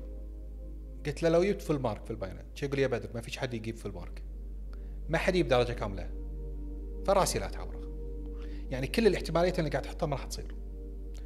قلت له آمنا بالله. دام إنه ما في أحد يجيب لو أنا جبتها تعطيني الدرجات اللي بيدك وهو بيده 40 قلت له تعطيني الدرجات اللي بيدك. فطلعني شي شي؟ يقول لي ماشي. والتفت على دكتور عماد. قلت له شاهد. عصب طبعا دكتور عادل ما حدش بيشهد علي قلت له لا خلاص خلاص لا تسأل دكتور. السلام عليكم كان أطلع. وأروح أدور فيه وعندنا tutor مدرس خصوصي. لا لا لا tutor آه، بالجامعة اللي هم المعيدين. students لا لا المعيد. معيد. نعم. وأروح وأدوره لين لقيته. أبي أذكر اسمه. حسام طنطاوي. وأروح أستاذ حسام كان يقول لي أيوه بدر. قلت له أستاذ حسام أنا أبي مدرس خصوصي رياضيات. يقول كثير يا بدر. قلت له أنا ما أبي كثير أبي أنت. يقول بدر أنا ماني مدرس خصوصي. أنا معيد في الجامعة. قلت له قاعد معي يدرسني كان يقول لا يا بدر بعدين هذه ممكن تصير مشاكل علي. قلت له أنا ريال عمري 30 سنة. صدقني أنا مو جاي العب أنا أبي أنجح. تعال درسني. قال ماشي نقعد ويا بعض. إصرار. نقعد إي. ويا بعض. قعد معي حصة واحدة ساعة نص ساعة. بلش معاي ب X دخل على Y اكتشف إن أنا في عالم ثاني. شي يقول لا يا بدر انت وضعك صعب. أنا هجيب لك حد ثاني يكمل معك اي لأن راح يعل قلبه. اي اي سالفتك اي طويلة. إيه لا حيل حيل. إنت لازم لازم نرجع حق اثنين زائد إيه. ثلاثة. يبي لك تمهيدي أنت اي قال لي بدر أنا راح أشوف لك شخص ممتاز مع طلبة ال kindergarten لأنه في نظرة كذا. فقام ونادى أستاذة ريهام طلعت. الله يعطيها الصحة والعافية. آمين. يعني أختي الصغيرة طبعا. هي أخت يعني كانت. وتيني أستاذة ريهام كانت تقول لي بدر نبلش من الزائد قلت لها لا مو للدرجه هذه صعدي شوية. تقعد تدرسني. حبة حبة. من تحت وإحنا طالعين. في موقف هني بالنص ابي اقوله جت قالت لي أنا عاوز أعرف يا أمك ما در- ما درستك أنت رياضيات ولا شنو؟ فقلت لها أوكي. أنا أول شيء أمي ما تعرف تقرأ وتكتب. شو تقول لي طيب. فلما أمي كانت تبي تدرسني وهذه قصة حقيقية يعني فأمي لما كانت تدرسني تاخذني بزاوية ومعها خيزرانة. حاطة الخيزرانة وحاطة قدامي جدول الضرب طابعتها من المكتبة كانوا يطبعون جدول الضرب بلايلون حاطته. اقرأ. اثنين ضرب ثلاثة. ستة. أنا أقول ستة. اطقني. قول كم؟ يمه ستة إيش فيك؟ اثنين ضرب اثنين أربعة والطق. زين واضح. هي ما تدري شنو الإجابة. الله يعطيها طولة العمر. هي ما تدري شنو الإجابة بس هي تبي تشوفك أنت واثق من إجابتك ولا لا. فصار كذي الموضوع معها. اثنين ضرب اثنين تسعة. إيه، اللي بعده. ستة بخمسة ثلاثين. إيه، عافية. مشينا على السالفة هذه. فكانت الأمور طيبة. نجحت في اختبار أمي. فهذه تقول لي أنت واضح أنه يعني التأسيس غلط. قلت لها كان هذا السبب. يعني. المهم تمشي معاي وقامت تعطيني أسئلة. وارجع القهوة كنت قاعد بقهوة. ارجع القهوة وأجاب الأسئلة. واصم الموضوع. حل حل براكتس اليوم كله. ثاني يوم أروح لها. أخذ معها حصة. واقعد واقعد أحل. بعدين أدق عليه تليفون أنت وينك؟ تقول لي أنا مثلا قاعد أعطي طلبة. تقول رياضيات تقول لي. أروح أحضر. شكو. بس أبي يصير عندي إدراك عام في المسميات. يمكن أنا حاضر حصة هندسة. مو المهم إني أنا رياضيات. بقعد مو في أرقام؟ أنا بيكون موجود أنا عاوز أكون موجود. ويا وقعد أجابلها أجابلها. لغاية ما يعني صار موضوع الرياضيات بالنسبة لي جدا بسيط. يعني سبحان الله كأنه مفاتيح وتنفتح معاك. اشتقاق تكامل هذا ال differential integration الأسس ال cos ال sine صار لعب بالنسبة لي. ولا شيء. ويا الاختبار النهائي اللي هي موعد الحقيقة. ويحطون الاختبار مدته ثلاث ساعات. والله العظيم إلى الآن أذكرها. الاختبار ما أخذ معاي ربع ساعة. تبارك الله. كذا أنا مخلص الاختبار كله. وطلع ال- الطالب المشاغب اللي داخل والتفت على يميني. أي سؤال محال زين أنت شكو التفت على يسارك. الرسمة لا أعكسها أعكسها. لا مو لبرا لداخل انجم وصرت متملل أبي أطلع. بعد ساعة ونص تطلع. ساعة ونص واطلع الحين أنا ناطر نتيجة. على حرم ما حاتي أي مواد حاتي هالرياضيات هذه. وتطلع النتائج. النتائج نفس الثانوية يحطونها لسته وتي تدور درجتك. وي وطالع ولا درجتي B؟ أبي أفهم الحين شو السالفة. شلون؟ شلون في كان أروح وأدش عليه الغرفة. أول ما فتحت الباب جاي طالع جاي يقول آه هو ده بدر. هلا دكتور. يكلم أحد يمه؟ اي فانا وأنا داش يعني آه تفتكرني عند النبي مدري شنو؟ اي هلا دكتور جاي يقول؟ لسه بقول له أنت الوحيد اللي جبت full mark بال final شفت الحجوه هذه؟ أول اتصال طبعا على أختي بثينة. يا بثينة ترى أنا أديت واموري طيبة وجبت ما ادري شنو وتبارك لي وهذا وتشجعني. هذا الإحساس خلاني ألتفت على نفسي بشكل غير طبيعي. إن لا أنا مو شاطر بس بالرياضيات. أنا شاطر بكل المواد. أنا لازم أكون المركز مال الجامعة. أنا لازم أصير الم- المركز الحوار. نقطة الانتباه مال الجامعة. واشد حيلي بطريقة غير طبيعية بكل مواد. حياتي صارت كلها دراسة. أنا كنت إنسان اجتماعي من الدرجة الأولى. كمية معارفي مهولة. كل مكان أروح أعرف لي أحد. يوم صار موضوع الجامعة؟ انغمست. انقطعت علاقتي على الجميع. لحد راسي يوتيوب امون عليه. قبل كان في بودكاست يكون بتليفونات الآيفون. أول ما سووها 2010 داخل البودكاست. تضغط عليه يطلع فيه شخص مسجل مثلا يتكلم عن ال microeconomics ال macroeconomics الاقتصاد الكلي الجزئي الرياضيات يسولف. كنت أحطه واركب سماعاتي وأحط راسي وانام وهني استوعبت انه صبر. وين بدر اللي كان فاشل بالدراسه؟ انت الحين مبدع. الكل يلتفت عليك يقول لك تكفى درسني. تكفى علمني المسألة هذه. تكفى مش عارف إيش. في محيط الجامعة. في محيط الجامعة. نعم. وصلت ان بعض الدكاترة. إذا وقف عند سؤال مع بعض الطلبة يقول له روح حق بدر. كذي صار الموضوع. روح حق بدر يشرح لك. كنت أحضر لقدام اللي بيشرح اليوم الدكتور شابتر ثلاثة مثلا. أنا شابتر ثلاثة دارسه خالص. ف للحين أذكرها الدكتورة جت بتشرح وصار عندها ظرف والتفتت علي كنت تقول بدر محضر شابتر ثلاثة؟ قلت لي. كنت تقول اطلع اشرحه. وطلعت شرحته. الحين إحنا نبي الفائدة من هالموضوع. الفائدة هي كالتالي. هذا الإنسان اللي كان فاشل اللي مو عارف شنو يسوي في حياته. حياته كانت مليانة بس بأشياء ثانية غير الدراسة. خلينا نقول انه كان إنسان فاشل. في نظر اهله مثلا في نظر محيط. فاشل دراسيا دراسياً. نحطها بهالطريقة نعم. فاشل دراسيا. مو هو هو شنو يقولون؟ يقول هذا هذا الإنسان فاشل دراسيا يعني هذا إنسان مو عارف مو عارف شنو مستقبله. ولقى نفسه الحين. اللي نبي نوصل له إنه لا تفقد الأمل في عيالك. لا تفقد الأمل في أي شخص.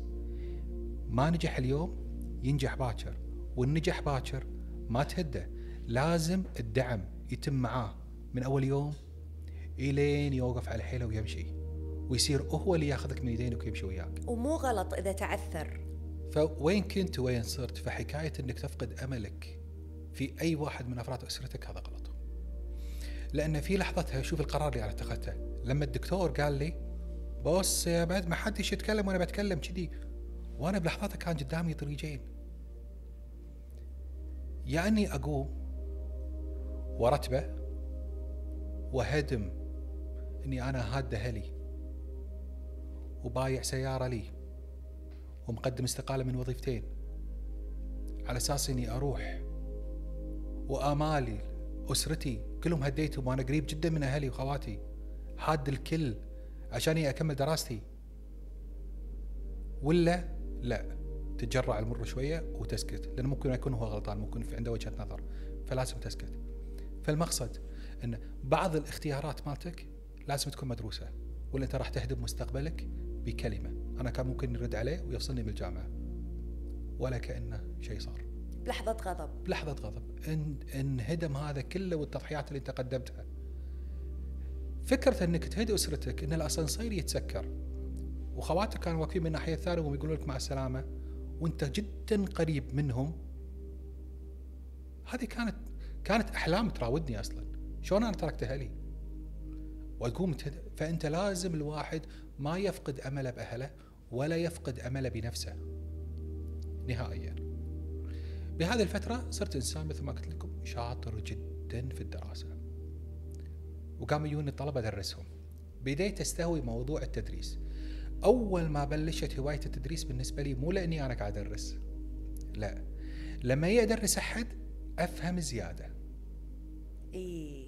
يازلي الموضوع. لأن الطالب لما يجيني يعطيني سؤال السؤال هذا ما كان في بالي أصلا. فجأة يا بلي. يفتح لك مدارك ويخليك تبحث. وت... لأنك بتساعده؟ وجاوب. نفس الوقت قاعد تساعد نفسك. وأطلع له قواعد جديدة أطلع له ما أدري منو. وقمت أقرأ وأقول له لا خلاص هذه موضوعها بعد ساعة ونص عندي روح وتعال لي. وأروح أبطل الكتاب وقمت أقرأ. هذه الأشياء خلتني أنا إنسان وايد شاطر في قراءة الكتب. الحين في الجامعة لما واحد يعطونا كتب الكتب ما يقراها. الكتب صارت بالنسبة لي ممتعة. أعرف أتقصى وأطلع المعلومة اللي محتاجها من أي كتاب قاعد اقراه لله الحمد. تفوقت بجامعتي هناك وطلعت الأول على دفعتي هم دفعات وطلعت الأول على دفعتي. وتلاقينا مع دفعتك اللي هي multinational يعني الموضوع multi مو بس national. مصريين عندك مصريين. فلسطينيين أردنيين سعوديين كويتي ما ياكلون معاي خبزة. كفو. أنا الأول عليكم كلكم. هذا الإحساس كان ممتع. ما يعني مو غشمرة إحساس النجاح مثل إحساس الكوكايين. تصير مدمن نجاح. لا يمكن ارضى باقل من الأول. إذا بصير أقل من الأول أكون مكرر. أقل من كذي لا يمكن أتقبلها.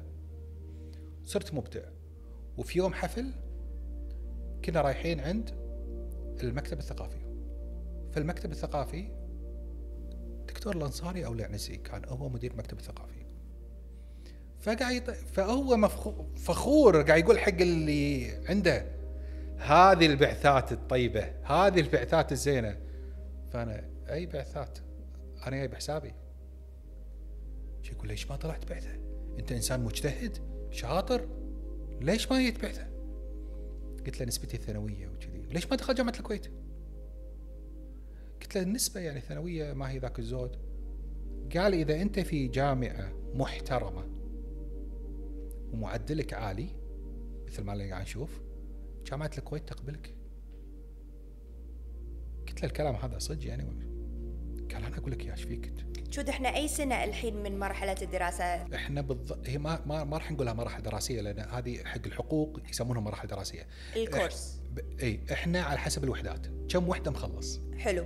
أنا حاليا مخلص 63 وحدة. يعني تقريبا هي سنتين بس أنا أكثر أنا أقل من سنتين بوايد لأن كنت آخذ مواد وايد. نعم. فيمكن سنة ونص سنة ونص. فحاليا إحنا 2000 2010 2011 حلو. العام الدراسي 2010 2011 ويطبعوا لي كشف الدرجات مع كتاب من ال- العمادة وكتاب من المكتب الثقافي وارفقهم مع شرح تفصيلي للمواد اللي أنا أخذتهم اللي مسجلين بالكشف الدرجات وأطلع فيهم جامعة الكويت اللي يسمونه. الكرة الأرضية. الكرة الأرضية اللي هو مكتب العمادة في كرة أرضية قدام. أوكي يسمونها الكره الارضيه وين رايح؟ الكره الارضيه وروح هناك عندهم الاخوان السجلات الله يعطيه بالعافية ما انكسر قلت تفضلوا. هل تقبلوني؟ يوم طالعوا شافوا الكتاب شافوا الدرجات. قال طبعا قبول فوري. قلت لهم موادي. شي يقول حاليا أنا أشوف إنه 90% من موادك مقبولة بس لازم الدكاترة يمشونه ويمشون الدكاترة على كل موادي وافقوا. خلاص قالوا خلاص انت مقبول بجامعة الكويت كورس ثاني الحين كورس ثاني إحنا بالصيفي. الحين شنو أسوي أنا؟ لله الحمد في هذه الفترة جتني أختي درست معي في مصر ومعاي بالجامعة ورجعت وقعدت اللي معها. كملت جامعتها هناك هي. already كان عندها دبلوم بالكويت وكانت الأولى على دفعتها كمان بالضبط. ورحنا وقعدت معاها course كامل لين يا وقت الدراسة استودعتها الله ورجعت وكان وراح لها أبوي قاعد وياها رجعت أنا جامعة الكويت وعلى نفس الوتيرة. أنا أفضل إنسان لازم أكون. بديت اشد حيلي. اختلف معي موضوع الدراسة في البداية. واجهت شوية. كان في بعض الانتقائية في بعض المزاجية لكن هذا ما يعيبهم. بالنهاية هذه جامعة الكويت. ولله الحمد وطلعت في معدل ممتاز جدا. حزتها كنت رئيس نادي الاقتصاد في جامعة الكويت. نائب رئيس تحرير مجلة الاقتصاد في جامعة الكويت. وكنت أتكلم في القسم والقسم فتحوا لي مرة ما هو شعب فتحوا لي كلاس إن أنت تدرس الطلبة قبل الاختبار. وعندي حضور فوق 70 طالب. أنا اللي أدرسهم. حق قبل الاختبارات النهائية أثناء فترة دراستك. أثناء اختباراتهم بعد يومين.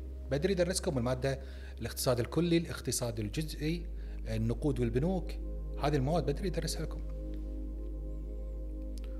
زائد طبعا الأنشطة الثقافية والاجتماعية اللي تحصل داخل الجامعة، زائد الحضور كان يحضرنا يعني استقبلنا من قبل الدكتور محمد عبد محمد صباح السالم.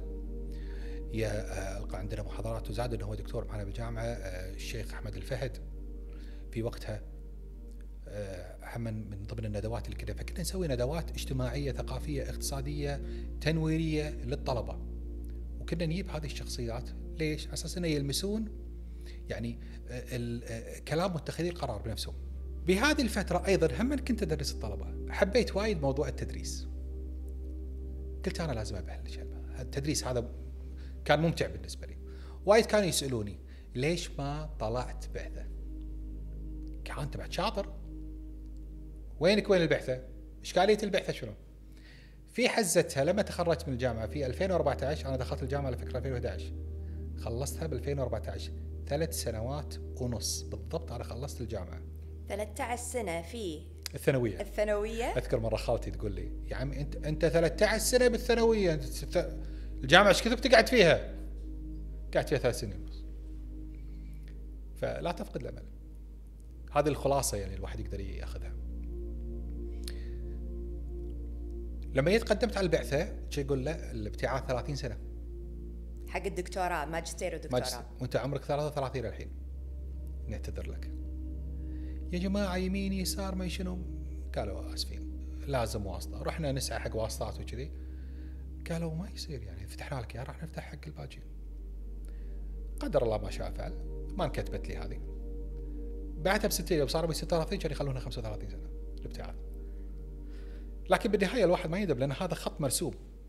الله. كاتبه لك. خيره سبحانه اللي صار بعدها ياز لي موضوع التدريس قمت أدرس الطلبة يجيني الطالب اللي عندي وادرسه وايد كانوا يقولوا لي بدر أنت وينك وين مدرس خصوصي؟ شنو مدرس خصوصي؟ إيش فيك؟ لازم نوضح معلومة مهمة. في فرق ما بين شنو يعني المدرس الخصوصي؟ المدرس الخصوصي ترى جنبين. في المدرس الخصوصي اللي هو المدرس في المدرسة ويدرس الطلاب بعد الدوام. لنفس المادة اللي درسهم إياها في الصف هذا. هذا فساد. هذا مو مدرس. هذا إنسان فاسد ومفسد.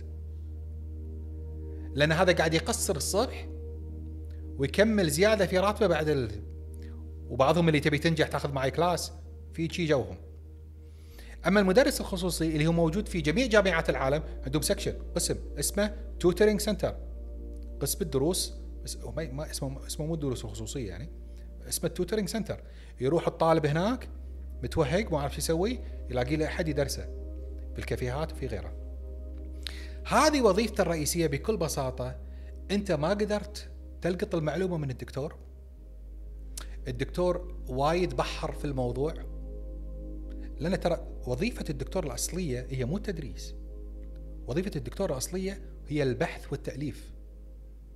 علشان كذي هو عنده شهادة دكتوراه بمجال معين. يعني ما في واحد يقول عنده دكتوراه بالاقتصاد. لا هو عنده دكتوراه بالاقتصاد بمجال معين. في الصناديق السيادية في الأسواق الناشئة في البورصة في كذا. لأن هي رسالة بشيء معين مو بكل الأشياء. نعم. فهو بكالوريوس خلص ماستر دكتوراه بمجال معين. نفس الدكتور كلهم دكتور لكن ما يقدر يبحر زيادة بالجلدية ما يقدر يبحر بالعيون. لازم تصير مختص. نفس الفكرة الدكتوراه. فيقعد معي الطالب أعطيه الموضوع بكل بساطة بكل أريحية من التأليفات اللي أنا مألفها بالنوتات بالأوراق تلخيصات أي ادرس إياها.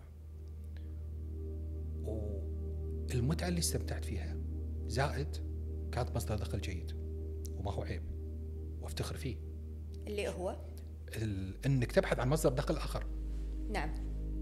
فمصدر الدخل مهما كان ما هو عيب. يعني وظيفة الأنبياء كانت هي الرعي في الأغنام ما عابهم. استمريت على هذا المنوال إلين فتحت لي معهد تدريس. سويت لي شركة استشارات مالية واقتصادية. تميت أدرس كمدرس خصوصي وحبيت المنهج وشكل بلشت تسوي مذكرات حق الطلبة. انتشرت مذكراتي وصارت مذكراتي رقم واحد ولله الحمد. وقاموا يستخدمونها في كلية الحقوق لأن أنا أكتب وأدرس في الاقتصاد السياسي. أيضا مذكراتي في كليات العلوم الإدارية في جامعة الكويت يدرسونها وأدرسهم في منها. لما فتحت المعهد أسست المعهد معهد لتدريس جميع المواد أو المواد اللي تحتاج تدريس. كان عندي من الحقوق بالعلوم الإدارية بالاقتصاد في الحقوق في الهندسة كل المواد. جميع المجالات. المعهد كان كبير مساحته 575 متر مربع بشكل مسطح. وقاعات قاعة كبيرة فيها 70 كرسي قاعة أصغر 50 60 25 أربع كراسي. فكنا نعطي محاضرات على أعداد كبيرة تجهيز الباحثين عن العمل اللي رايح يقدم على اختبارات القبول محتاج ريفرش يقول أنا ماخذ المو... ماخذ الهندسة بس صار لي فترة. محتاج ريفرش فكنا ننزل اعلانات ويحضرون عندنا الطلبة. ومجموعة موظفين. 20 بس علشان 50 ي- 70 يجددون معلوماتهم؟ لازم لأن لا إحنا شك. كلنا ندري إن هنالك فرق كبير ما بين الحياة الأكاديمية والعملية. فكان أحد الأهداف للمعهد هي إن أسوي لك نقلة من حياتك الأكاديمية إلى العملية عن طريق الدورات التدريبية اللي هي تتوافق وتتناسب مع بيئة العمل نفسها. يعني أنت خذيت مهندس كهرباء بس إيش راح أطبق بال- بالدوام؟ على حسب دوامه. راح يقدم مثلا بالوظيفة بالاختبارات. كنا نساعدهم. بعد ما فتحت المعهد كان في مادة اسمها رياضيات للاقتصاديين. هي المادة رياضيات فقط. من البداية للنهاية وكنت شاطر فيها. شوف وين كنا وين صرنا. شنو كنت برياضيات كل سنة ساقط فيها. كل سنة ساقط رياضيات. الحين أدرس أنا هذه المادة. وما كان في مدرسين يدرسونها باستثناء طبعا ال staff داخل الجامعة. اذكر جتني طالبة. أنا كنت في قاعة التدريس كنت قاعد عندي مجموعة طلبة قاعد أدرسهم. وييني موظف ال reception؟ أستاذ بدر في طالبة ويا أبوها يبونك. قلت له يلا دقيقة الحين جايلك واقفل بس المعلومة السريعة اللي كانت معاي واطلع برا. وتجي الطالبة وياها ابوها ابوها شكله مو قريب علي أه السلام عليكم. قلت هلا والله. أه إحنا قالوا لنا إن أنت تدرس رياضيات وأنا يعني المادة هذه شوية مش مش قوي فيها. قلت لها إيه أهلا وسهلا أختي ولا يهمك. فالتفت علي الأبو قال لي على فكرة مع إن أنا مدرس رياضيات لكن الواحد باله خلاص يعني.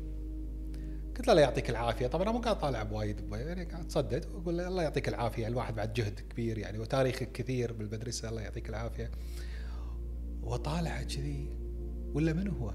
هذا هو مدرس الرياضيات اللي في السابق قال لي الودة حمار وليش قال لك هالكلمة؟ هو أنا ما أقصد إنه كان يبي يهيني بس اعتقد إنها كلمه كانت دارجة بلسانه. هو ما يقصد ما يقصد اللي أنا متأكد يعني. أنا كلها حالي حال الطلبه اللي موجودين. لكن أنا ظهري إني كنت عال قلبه وبشيطانتي. ما أنا أنا بشيطان مع مدرسين ثانيين بس قدروا يحتووني بطريقة وحبيت المادة. وهو خلاني أكره المادة لدرجة إني ما قمت أفهم منه. إيش كثر ما يقول لي؟ إيش كثر ما يقول؟ يدش هني ويطلع من هني. معنا بالفيزكس لا يقول الكلمة هني وتركب براسي وأعيدها. لكن بالرياضيات شوية لأن كلنا نعرف ان بعض المدرسين يخليك تحب المادة وبعضهم يخليك تكرهها. ينفرك نعم. هذا مدرسين من اللي حببوني هذا من المدرسين اللي كرهوني في هذه المادة. فقلت له ولا يهمك الموضوع عندي إن شاء الله. وتقعد معي الطابعه الطالبة وأعطيها كلاسين. class اليوم مثلا و class يوم ثاني. قفلت له اللي هي محتاجته كلها الكمية اللي كانت طالبتها. من أحسن ما يكون. وبنهاية المحاضرة قعدت تشكر فيني. طبعا هذا الشكر يعطيك إحساس بال... بالرضا. فقاعد تقول لي أشكرك والله أنا ما كنت عارفة شنو أسوي أنا ما لقيت أحد ويعني وصرت متأخرة بالجامعة ماني قادر ألحق شكرا جزاك الله خير وما قصرت أنت من وين يعني أنت يعني كنت متفوق وهذا قلت له على فكرة أنا كل سنة كنت ساقط رياضيات شو تقول صدق؟ قلت له تدري منو كان يدرسني؟ شو تقول منو؟ قلت له أبوك شو تقول بابا كان يدرسك؟ قلت له اي وأبوك قال لي الود حمار فهي انصدمت مسكينة وجهها صار هالطول. قلت لها لا تزعلين. لا والله أنا آسفة جدا والله. قلت لها لا تزعلين أبوك كان أحد الدوافع. أنا لو ما أخذ بكلمة أبوك ومستمر فيها كان أنا ظلمت نفسي أصلا ما ظلمته هو. لكن أخذي الجانب الإيجابي. أبوك أعطاني دافع إني أنا أثبت لي نفسي غير الشيء هذا. يعني ما رحت ركضت ورا أبوك وقلت له شوف شوف أنا شاطر. لا لا. أنا أثبت لي نفسي إن أنا ماني فاشل. فبالعكس أنا أشكر لابوك ما جت مرة ثانية هي ما احتجتها إلا في نهاية السنة. قصدك ما احتاجتك. ما احتاجتني. في نهاية السنة حضرت لي وأخذت محاضرة حق الاختبار النهائي. والله يوفقهم يعني. تجربة جميلة أنا متأكدة. جدا جدا جدا جدا. كانت تجربة وكان فيها إشباع ورضا للنفس وسعادة. إن أنت وين وصلت؟ وين كنت؟ وين وصلت؟ وين رحت؟ مثل ما قلنا. شفت ثمرة تعبك. إي والله. صدق أنا ما كنت شفت ذرة. لكن الأدوات اللي كانت بيدي الحمد لله وصلتني إلى شيء أنا أكون يكفي إني أنا راضي عن نفسي فيه ومحيطي اللي تعب معي راضين عن ال ال هذا الأداء اللي أنا موصل له ولله الحمد. من الأشياء المهمة اللي لازم نعرفها ماكو نشاط تجاري أو ما في شيء تتخذه في حياتك راح يكون سالك. الأمور لازم راح تواجهك صعاب على طول الطريق. على سبيل المثال أول ما جيت فتحت المعهد توني فارش الزل ومو زل باركيت عود لا المربعات. المربعات هذه كان يعني شي وشويات. ففي صرف في المكان المكاين تصوير وفوق ال 500 متر مربع. الكمبيوترات اي وكل القاعات بطاولاتها و... 2018 كنا على نهاية 2018 بداية جتنا مطره قوية. وينزل الماي على من ال- الراجع مال المج- المجمع اللي أنا كنت فيه كان في ظهر إشكالية عندهم ما أدري شنو. رجع الماي ودخل علي في المعهد. غرق لي المكان بالزل. بعض الكمبيوترات اختربت. الماي نزل على آلات الطابعة. الطاولات. بروجيكتورات الك- الطاولات هذول الخشب المضغوط يبي له ماي. ينقع. ينتفخ. فتصير عندك الطاولة كأنها مليانة كليجة. نفخها كذي. الموضوع كان غريب. زين الحين انت هني ضاق خلقك. هذه بداية الموضوع. في ناس ممكن يقول لك لا لا لا لا. إذا هذا أولها ينعاف تاليها لا لا مو صحيح الحكي هذا. لا لا استمر. بالعكس أصلا هذا يسوي يعني تست على معدنك. هذا يحكه يشوف أنت تصدي بسرعة شنو نوعية المعدن. تستمر ولا ما تستمر؟ قلت لا والله بستمر. يونا الموظفين مرة في خذلان. ومرة في لا. استمر. الايجارات مرتفعة. حاول. كان في خسائر الوضع. إلين يا الله لا يعودها. فترة كورونا. أنا مشروعي يعتبر معهد واستشارات فهذا يعتبر المرحله الخامسة. فأنت ممنوع عليك تفتحه لين تخلص فترة كورونا. إيش كثر قعدوا على ما خلصوها؟ فمن عام 2020 أو 2019 نهايتها 2020 يوم. جت كورونا. ممنوع تجمعات. زين أنا أقل قاعة عندي يقعدون فيها ستة سبعة. ممنوع تجمع الناس. صار مسكر المعهد والأجارات شغالة.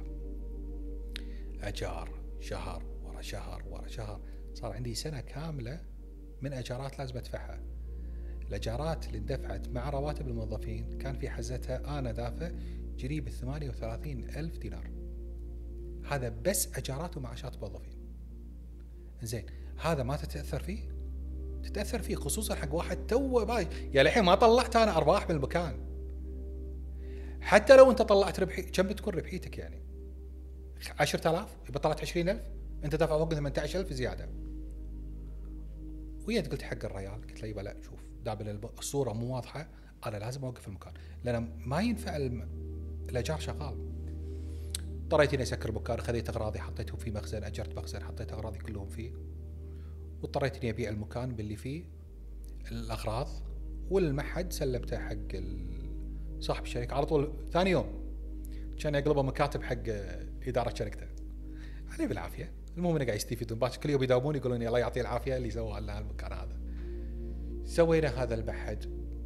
ووقفنا. ال- اللي نقدر نوصل له إنه ما هو غلط إنه إذا أنت مشيت بطريق وحسيت إنه ما هو مضبوط الوضع مو ماشي إنك تتخارج منه. التخارج مو غلط. أصلا أحد أسس الشغل إنه شيء ينجح وشيء يفشل وتستمر. الحياة ما انتهت. واستمر. بدر ال ال وايد الحين تعر... مريت بأشياء وايد ومراحل عمرية. من فترة ال- الطيش الطفولة إلى التعثر الدراسي إلى مرحلة العسكرية إلى مرحلة الدراسة الجامعية. وبعدين التدريس والعمل الخاص. كل هذه الأشياء بالأثناء شنو اللي كان يسليك؟ يوم إنك أنت لاهي عن دراستك بذاك الوقت شنو اللي كان يشغلك؟ إيه. سنة 94 كنت فريق كرة سلة. كم كان عمرك؟ أعتقد عمري 14 سنة. 14 أوكي. 15 سنة. كنت فريق كرة سلة. وكنت ألعب سباحة. نفس النادي. بالنادي صرت ألعب اللعبتين لعبة فردية ولعبة جماعية. فكنت ألعب كرة سلة جماعي وسباحة فردي. وألعب كرة قدم بالشارع. نعم. وكنت فريق الهوكي. صار تزلج. وكنت أطلع مع ربعي. آه، بس كافي بعد إيش حق ادرس إذا واحد قاعد بسوي هذا كله وهم بدرس يعني الرحمة زينة. فما كنت مجابل دراستي نهائيا. لكن في في شغلة مهمة جدا. على الرغم من شغلاتي وبالعمر هذا وخلينا نقول الطيش اللي كنت فيه لو أكون وين ما ما أكون. لو قاعد قاط لي خيط بشاليه بن ويصيب تدق علي أختي؟ بنفس اللحظة أنا أقول لها أقول لها تم الحين جاي لك نبي نروح المكان الفلاني. تم. أهد ربعي وأروح. أذكر عندي كم واحد من الشباب لما يدقون عليهم أهلهم. طبعا مو مو أختي أهلي ولا نعم. مشغول. نعم. الحين أنا بمرك لا لا لا مشغول. إيش عندك؟ لا لا مشغول مشغول. انزين إيش فيك؟ بدر إيش فيك؟ قلت لك مشغول خلاص. ما يبي يقول أنا مشغول مع أهلي. لهالدرجة. لهذه الدرجة. ما يبي يقول أنا مشغول مع أهلي. ترى هذا تقليل لقيمة نفسه ولقيمة أسرته. كن على ثقة أهلك أهم من أي حد ثاني بالدنيا. وهم مصدر الفخر لا شك. ما في خلاف الموضوع هذا. أصلا كنت وين ما أكون مع ربعي ولا مع أصدقائي كانوا يدقون علي خواتي اللي بيطلع مكان الفلاني. بنفس اللحظة أكون أنا جايهم وأطلع. هذا أصلا كبر قيمتي وثقتهم فيني بينهم. أنا كنت موجود في دولة ثانية كنت في مصر. أختي تطلع مكان تدق علي تليفون بدر ترى أنا بروح المكان الفلاني. وفعلا وما كان من خوف لا لا. كان من احترام. لأن عارفين إن أخوهم راح يوقف معاهم بالحلوة وبالمرة. شنو ما كان وضعك أخوك وياك. مو معناته إنه مسيبك الموضوع. لا لا راح أقومك وأعصب عليك. لكن بالنهاية أخوك يمك وأنا معاك. ما أهدك بأي حال من ليش نروح بعيد؟ الرسول عليه الصلاة والسلام شنو يقول؟ اللهم صل وسلم عليه. خيركم خيركم لأهله وأنا خيركم لأهلي. هذا حديث الرسول عليه الصلاه والسلام وين بطلع؟ بطلع ويا مرتي بطلع ويا أختي. اي أختي؟ بودي الوالدة. يا أقول يا عمي أنت هاد هاد الربع ورايح ويا أختك؟ اي أختي منو أنت؟ منو فيكم للحين ربعه هم نفسهم اللي قبل؟ بس أختك بالتم هي أختك. هذه ما فيها خلاف. أبي واحد والله يقصر يقصر عن حضور أهله ولا التزام. سنة 96 أنا في قبرص. 96 أنا في قبرص. أنا واثنين شباب في قمة الشيطانة يوميا على بنانة وبالبحر. يوميا. بحر اكتيفيتي فل عرس أختي بعد 21 يوم. السفرة طبعا مدتها ثلاثة أشهر. وأكلم أختي بين وقته فقالت لي بدر أنا عرسي. قلت لها والله أنا آسف ما راح أقدر احضر أنا مشغول. من صدق قلت لها هي مشغول. تقول لي أوكي. سكره منها وأقوم أدق عليك. وأدق على أختي بثينة. بثينة ترى أنا أبي أرجع قبل العرس بيوم وبسوي لها مفاجأة حق أختي. تم. وتروح أختي بثينة وتدش البيت وتبوق دشداشة. ترى أنا ما أذكر هالسالفة نهائي بدر. وقامت أختي بثينه وراحت باقت دشداشه وراحت ودتها الخالدية قدام البيت. وتاخذني من المطار توديني الخالدية والبس وأروح العرس. أختي المحتني من ضمن اللي جايين يسلمون. اعتفس الكحل. كانت قربت تبكي المكياج. كانت تبكي. ويوم هي أبوسها راسها وكلي فخر قدام الناس فقاعد تقول لي يا التعبان قلت انك بنت جاي شلون أهدك؟ بصدقك؟ أختي أنا فخور فيك لأن أختي. هذولي أهلي إذا الواحد ما يكون فخور بأهله يكون فخور بمنه. غير كذي هذا كلام مضيعه للوقت شنو السر بدر؟ بسم الله عليك الرحمن. يعني أنا أتكلم الله بارك لنا الله عطاك ست خوات بنات وبعد أخ الله يطول بعمره اللي أكبر منه. خواتك الستة أنا أكبر واحدة فيهم إلى جعدتنا الله يطول بعمرها. شنو السر يا بدر لما تكون أخ وهذيل الستة يشهقون باسمك. هذيل الستة وكل من حولنا يضرب المثل في الأخ. لما يجون يتكلمون على دور الأخ في حياة الأخت يضربون المثل في بدر. شنو اللي تعتقده؟ يميزك؟ شنو الشيء اللي عندك ما عند غيرك؟ في مقولة مشهورة وهي حبوا بعض حبوا بعض حبوا بعض حبوا بعض لا لا هي معادلة جدا صعبة. جدا صعبة. صعب الإنسان يحاول يسويها. لكن إذا فكر يسويها خلي تتذكر هذولي أهلك واهتم فيهم. أنت بمجرد ما تهتم بأهلك أهلك هم يهتمون فيك. ترى مو محتاج أكثر من كذي. يعني إحنا مو جايين من فضاء خارجي. اهتم بأهلك أهلك راح يهتمون فيك. إذا أنت زرعت هالقيمة هذه إن أهلي ما لي غيرهم بالدنيا أهلك شنو بيبادلونك بالشعور؟ بيبادلون لك إن أخونا ما لنا غيره بالدنيا. أنا ليش قاعد أقول كذي؟ إن عشان أي أحد راح يسمع الكلام هذا يعرف إن ترى هو ما هي معادلة صعبة عشان تكون قريب من اهلك بس اهتم بأهلك. يعني خاف الله يعني في. حكوه مو حلوة تنقال وما أعتقد إن شاء الله تصير حق الجميع يعني إذا أنت ما تهتم بأهلك يعني ترى بيهتم فيهم غيرك. هذول أهلك خلاص يعني ما وين بتروح؟ دائما كنت تقول لنا وتق- وتنصح اللي حولنا. دائما امدح خواتك. ممكن توضح لنا هذه وجهة النظر بدر؟ امدح خو... امدح خواتي مو بس قدامهم امدح خواتي قدام أهل قدام ربعي وبين ربعي. وعمري ما قلت أختي قالت. واسكت. أختي بثينة قالت أختي مشاعل. أختي مريم والله توها داق علي أختي مريم قالت لي كذا كذا كذا كذا. مع اللي قاعدين. بعضهم كان ينتقد. وقدامهم ما يسوونها. بس لما نقعد مع بعض والله ذاك اليوم دقت علي أختي منيرة. يتحجون يتكلم. إذا صار بروحه. تأثيرك. إي. مع بعض إلى الآن هم خايفين من الانتقاد. يعني يعني ثقافة القطيع هذه يعني خطرة. لأن تغير من سمات الشخصية. لكن إذا أنت مؤمن بقضيتك يعني هي ما هي بحزتها أنا ما ما كانت بالنسبة لي هي قضية أنا لازم أنشرها. لا هي عادة وطبع. هذه خوات. طول عمرهم قبل. أنا واخو نورة. ما كانوا يعتزون؟ زين ما استحى هذا. إذا هي المسألة مسألة مثلا خلينا نقول خلينا نقول بداوة ولا ثقافة ولا غيرها أو إيش كان يعني. لا مو صحيح.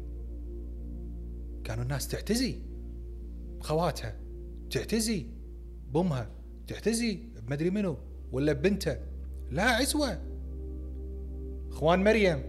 إخوان نورة. ولا غيره. في مسلسل من المسلسلات الحين. باليوتيوب. شو يقول؟ يقول والله تبطي عظم.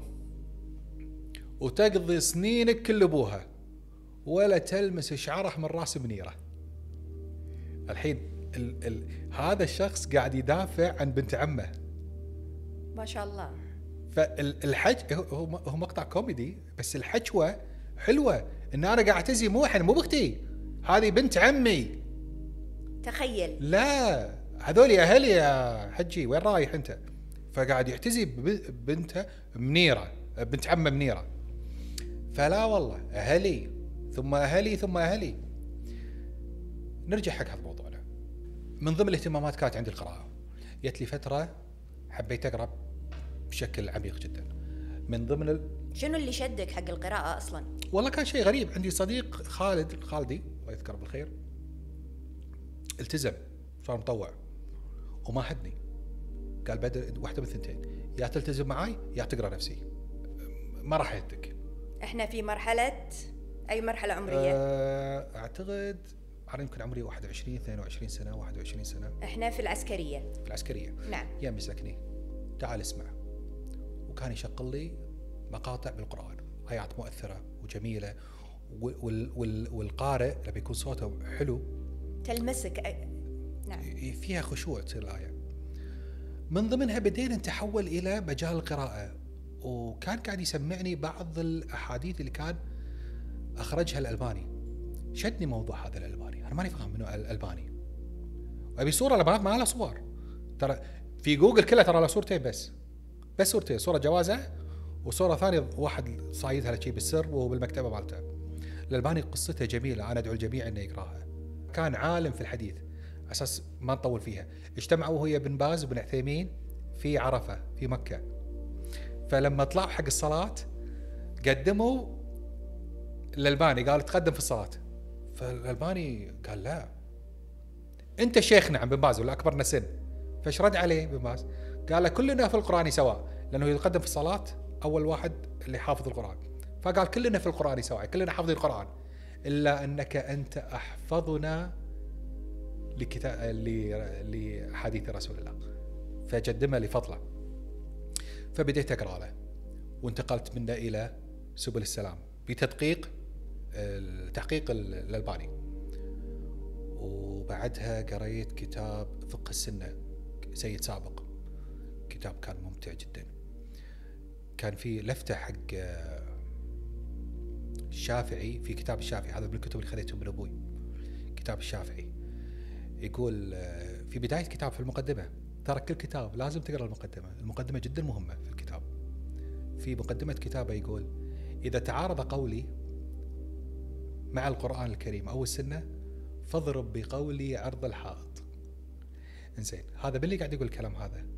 مو أنا مو واحد ما أدري منو. لا هذا هو الكاتب نفسه. قاعد يبرئ نفسه من أي خطأ ممكن يحصل. ترى يا جماعة هذا اجتهادي إذا حسيتوا في شيء غلط لا تعتدون فيه اللي أنا أقصده لا تتعصب إلى أقوال أحد. سواء عالم ولا رفيجك. لا أنا ربعي صح لا ربعك مو صح. لازم تمشي على السنن الكونية. أهلك ابخص في مصلحتك. في أسس كونية هذه ما فيها خلاف. الانسان لازم يلتزم في دراسته لازم يهتم في أسرته هذه الأسس ما فيها خلاف. أما حكاية لا باكر لا أنا ربعي اذا ما طلعت اليوم إيش بيصير يعني؟ تطلع باكر. ما طلعت باكر تطلع عقب. أنا الحين لله العمد عمري 44 سنة. يوم كان عمري 17 سنة لا ما ما, ما يصير تطوفني الطلعة. إذا طافتني الطلعة باكر ممكن تنتهي الدنيا. لا ما تنتهي الدنيا. تمشي الحياة تمشي. فنرجع حق قول الشافعي فهذه كلمته كانت لها واقع كبير علي. ومنها استفدت الكثير ومشيت في هذا الطريق. منو بعد كان يشدك؟ كان العالم؟ بن كثير. بن كثير. بن كثير. بن كثير في كتابته البداية والنهاية كان عجيب محمود؟ آه الله. دكتور مصطفى محمود إبداع. دكتور مصطفى محمود أصلا البرنامج ماله؟ العلم والإيمان هذا كان حكاية. برنامج العلم والإيمان من أفضل يعني أنا في نظري أكثر إنسان وصف الحياة الزوجية كان دكتور مصطفى محمود. شوف شلون وصفها بكل بساطة. شلون؟ لما يا قاعد يقول له إن الزواج عن حب وكذي قال لا ماكو شيء اسمه زواج عن حب. الزواج عن حب هذا شيء غلط. طبعا يقصد المقتصر على كلمة حب. فقال له شلون يعني؟ قال أنا أقول لك لأنه يقول أغلبية الزيجات صارت مبنية على الأغاني والمسلسلات والمسرحيات اللي خلاص يبقى أنا أحبها بس انتهت كل المشاكل. يحبها الولد. زين بس الحب أمر نسبي. ترى وايد أشياء كنا نحبهم ما نحبهم. ففي شيء يزيد وفي شيء فأنت لا يمكن إنك تبني رحلة حياتك رحلة عمرك على كلمة إني أنا أحبها اليوم. في أمر ثاني والأمر الثاني اللي هو وضحه اللي هي الأخلاق. لازم يكون هذا الإنسان اللي تبي تتزوجه هذا الإنسان لازم يكون وجوده في حياتي من الضرورة. على أساس إني أقدر أتنازل وهو يتنازل لمعرفة قيمته بالنسبة لي. أنا لما أتنازل عن أجزاء من أخطائه ما في إنسان كامل. أنا أتنازل عن أخطاء له وهو يتنازل عن أخطائي. شو راح تستمر حياتنا؟ إذا أنا بتصيد عليه إذا هو بيتصيد علي إذا هو بيشد وأنا بشد بينقطع. فلازم أنا أشد وهو يرخي. وهو يشد أنا يرخي أنا الحين متزوج ولله الحمد والمنة زوجتي من أجمل نساء العالم أنا كاتب أصلا بالبايو مالي ابن وأخ وزوج وأب لأجمل بنات الدنيا أنا فخور في أهلي كل النساء اللي حولي. زوجتي الله يعطيها العمر طولة العمر أم بثينة. مرات أحمق عليها. أرجع من البيت مشحون بطاقة سلبية ظروف بالعمل ظروف بالشارع أو غيره وي أشد وممكن اقب بوجهها ولا تقول لي ولا كلمة. تمشي معاي للاخر هي بالآخر راح تأخذ اللي براسها. تمشي معاي للاخر مرة عاقلة. لين أهدي.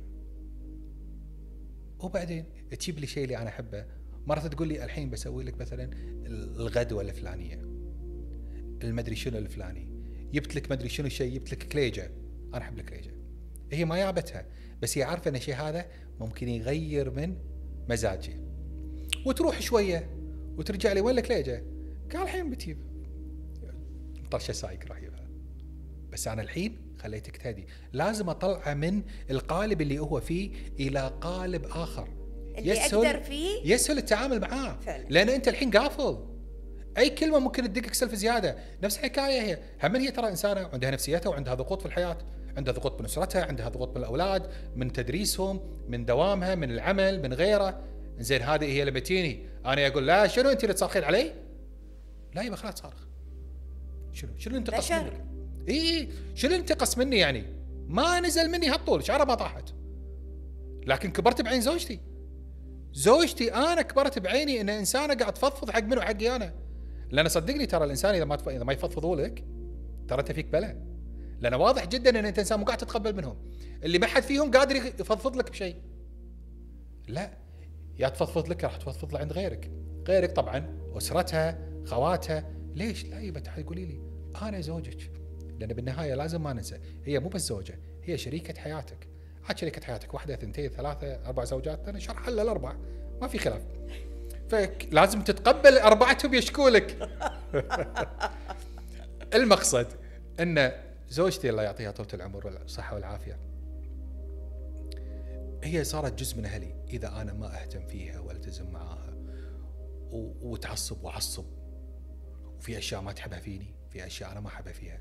هذه الأشياء كلها أمانة من جزء من الأشياء اللي هذبتني كانت مقولة آه، دكتور مصطفى محمود. هي اللي هي الأخلاق. الأخلاق. كلمة حب هذه تنتهي. غالبا أصلي ما يخلص شهر العسل أصلا وايد أشياء بحياتك سقطت. لكن يبقى الأخلاق إن وجود هذه الانسانه في حياتي من الضرورة. هذه الكلمة.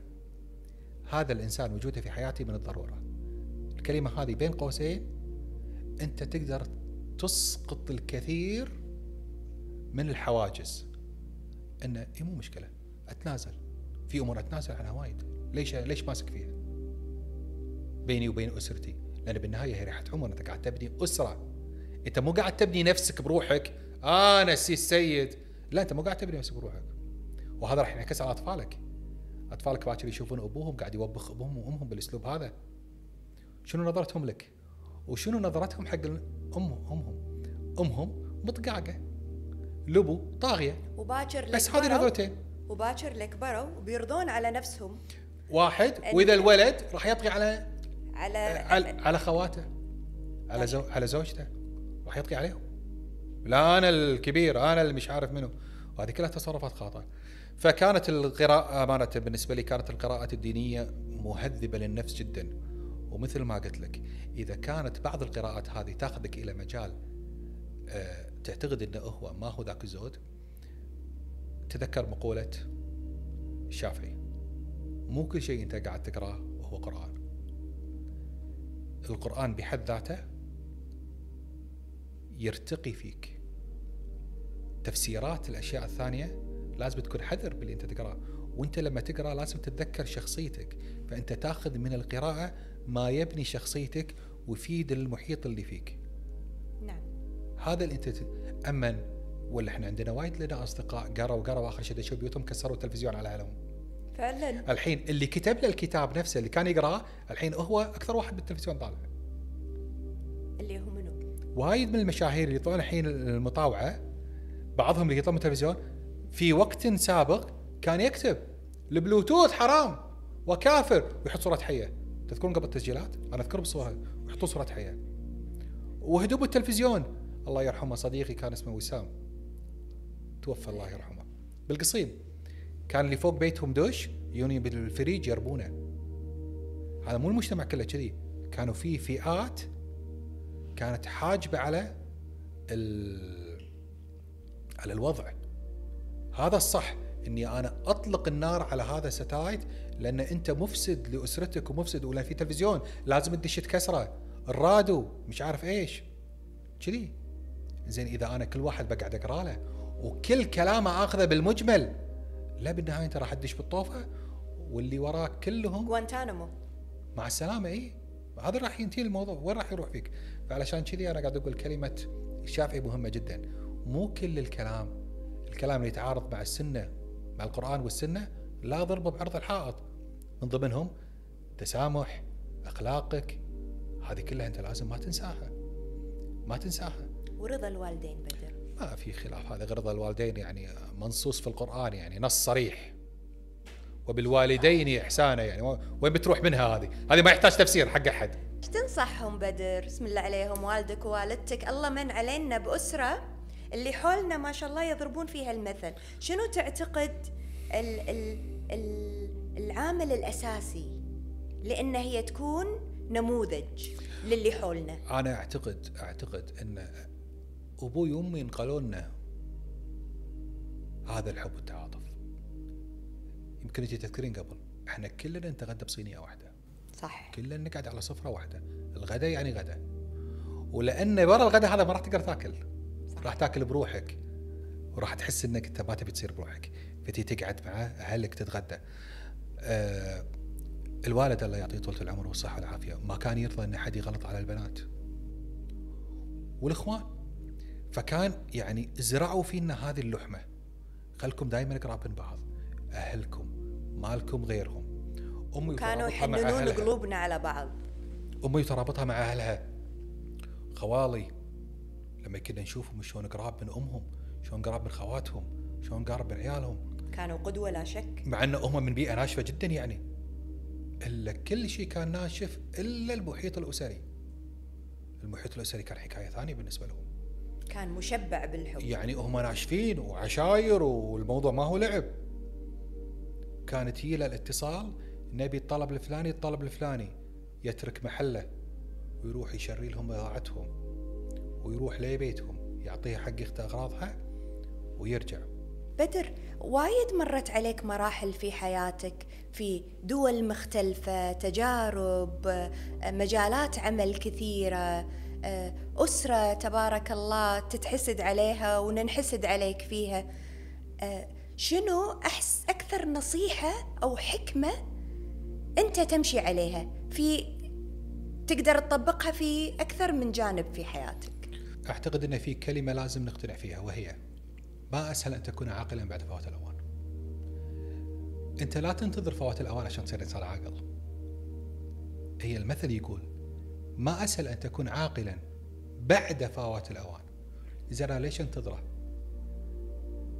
اسعى يا عبدي وأنا أسعى معك إذا أنت بتتم قاعد ما راح تغير سنة الكون عشانك. لازم تقوم وتنهض وتعمل. في رجل في عهد عمر سيدنا عمر كان جالس. ويا سيدنا عمر قال أنت ليش جالس؟ قال إن الأرزاق مقسمة. فكان يطقه بعصاته على راسه. قال له قوم أنت لازم تسعى والله يسهل لك الرزق. مو تي قاعد ويك الرزق وانت قاعد. فالإنسان لازم يسعى ويقوم. نصيحتي هي كتالي لا تماشي أصحاب السوء. لا تماشي الناس اللي ما لهم أي هدف. قل لي من تجالس أقول لك من أنت. تمشي مع ناس متعلمة راح تتعلم. تمشي مع ناس ثانية بتصير نفس موديلهم. فلا تمشي مع الناس اللي ما يشكلون جزء من مستقبلك. تذكر هالموضوع. ارسم مستقبلك صح. والنصيحة الثانية لا تنسى دور أسرتك في حياتك. أسرتك هي الأساس. أسرتك هي الهدف اللي أنت لازم تدور عليه. على فكرة نجاحك هو نجاح لأسرتك. وفشلك هو فشل لأسرتك. غالبا يقول لك هذا الإنسان مو متربي. لا هو متربي. هو ما نفعت فيه التربية. فعلا صح لسانك. انت لا تنسى هذه التربية. لا تنسى هالشقة. أبوك كل يوم يطلع للعمل. أمك إلى العمل خواتك يدارونك في البيت وأنت إنسان متمرد على ذاتك. لا يبا التفت على نفسك التفت على مستقبلك ولا تنسى دور أسرتك. ولله الحمد أنا أسأل على نفسي أنا كالمثال أنا واسرتي كان لها دور كبير في حياتي. وأسأل الله العافية لكل أسرتي. باب من ابواب الجنة أمي وأبوي وخواتي. والله يقوم أختي بالسلامة وأعتقد إن هذه راح يكون لها وقتها. بكون بسوي لها حلقة خاصة إن شاء الله أتكلم عنها بإذن الله. فأنا أعتقد أن الإنسان لازم يلتفت على نفسه ولازم يبني مستقبله لأن بالنهاية هذا مستقبلك. إذا أنت ما تبني ترى ما حد راح يبني لك إياه. إذا ما تمد اليد ما حد راح يقدر يلتقطها لك. إذا أنت مكتف نفسك وتقول يلا ساعدوني شلون يقدرون يقضبونك لازم تمد إيدك عشان اللي قدامك يقدر يمسك إيدك ويشدك وياه إذا تسمح لي أضيف لك بدر بعد المسؤولية أنه يتحمل مسؤولية أن الشخص يتحمل مسؤولية أخطائه لأن مو لأن أبوي ما أدري شنو سوالي وأمي ما أدري شنو سوت لي وظروفي صارت كذي. لا لا هذه شماعة. شماعة. ما هو صحيح نهائيا. ما هو صحيح. شوف الحين خلينا ناخذ على سبيل المثال. أنجح ناس الهند. الهند. عدد الخريجين ال IT في الهند فقط أكثر من عدد خريجين ال IT اللي على وجه الكرة الأرضية كلهم للعلم. يعني لو سمع جميع دول العالم وحسبوا خريجين ال IT الهند بروحها تخرج أكثر. شنو الحالة اللي موجودة حاليا في الهند؟ وأكبر الشركات وأسمنها رؤسائها الحين التنفيذيين هنود من خلفيات كانت ضعيفة جدا. فنهائيا لا تستخدم الشماعه لا ما دام ريولك موجودة ويدينك موجودة وأهلك لا يبى روح اسعى واتعب والله لو تبلش معها ببسطة والله ما هو عيب. أمتعتنا يا بدر. شكرا من القلب. أنت قاعد تأكد لي ليش أنت كنت المثال اللي على أساسه بنيت هذا البرنامج. قصة كفاحك وتجربتك الجميلة وأنت كإنسان وكأخ مثال. ننحسد عليك. يا رب يبارك لنا فيك يا حبيبي. ويعطيك على قد نيتك وكل الشكر إنك شاركتنا بتجربتك وبعلمك. يا رب يبارك لك. بارك لك. يا غالي يا حبيبي. أتمنى إني ما كنت ثقيل عليكم. وأتمنى إن تكون هالحلقة هذه مفيدة للي راح يسمعها. بارك الله فيكم على هالتنظيم الجميل. والله يعطيكم الصحة والعافية. أعزائي المتابعين أحب أشكركم من القلب على آه، متابعتكم اليوم. أتمنى إن حلقتنا تكون حازت على إعجابكم. تابعونا في حلقة جديدة مع ضيف جديد وقصة جديدة. ولا تنسون تشاركوني بمقترحاتكم وآرائكم لأن هذا الشيء أكيد يهمني. وتذكروا أن الدنيا بخير ونشوفكم على خير. مع السلامة.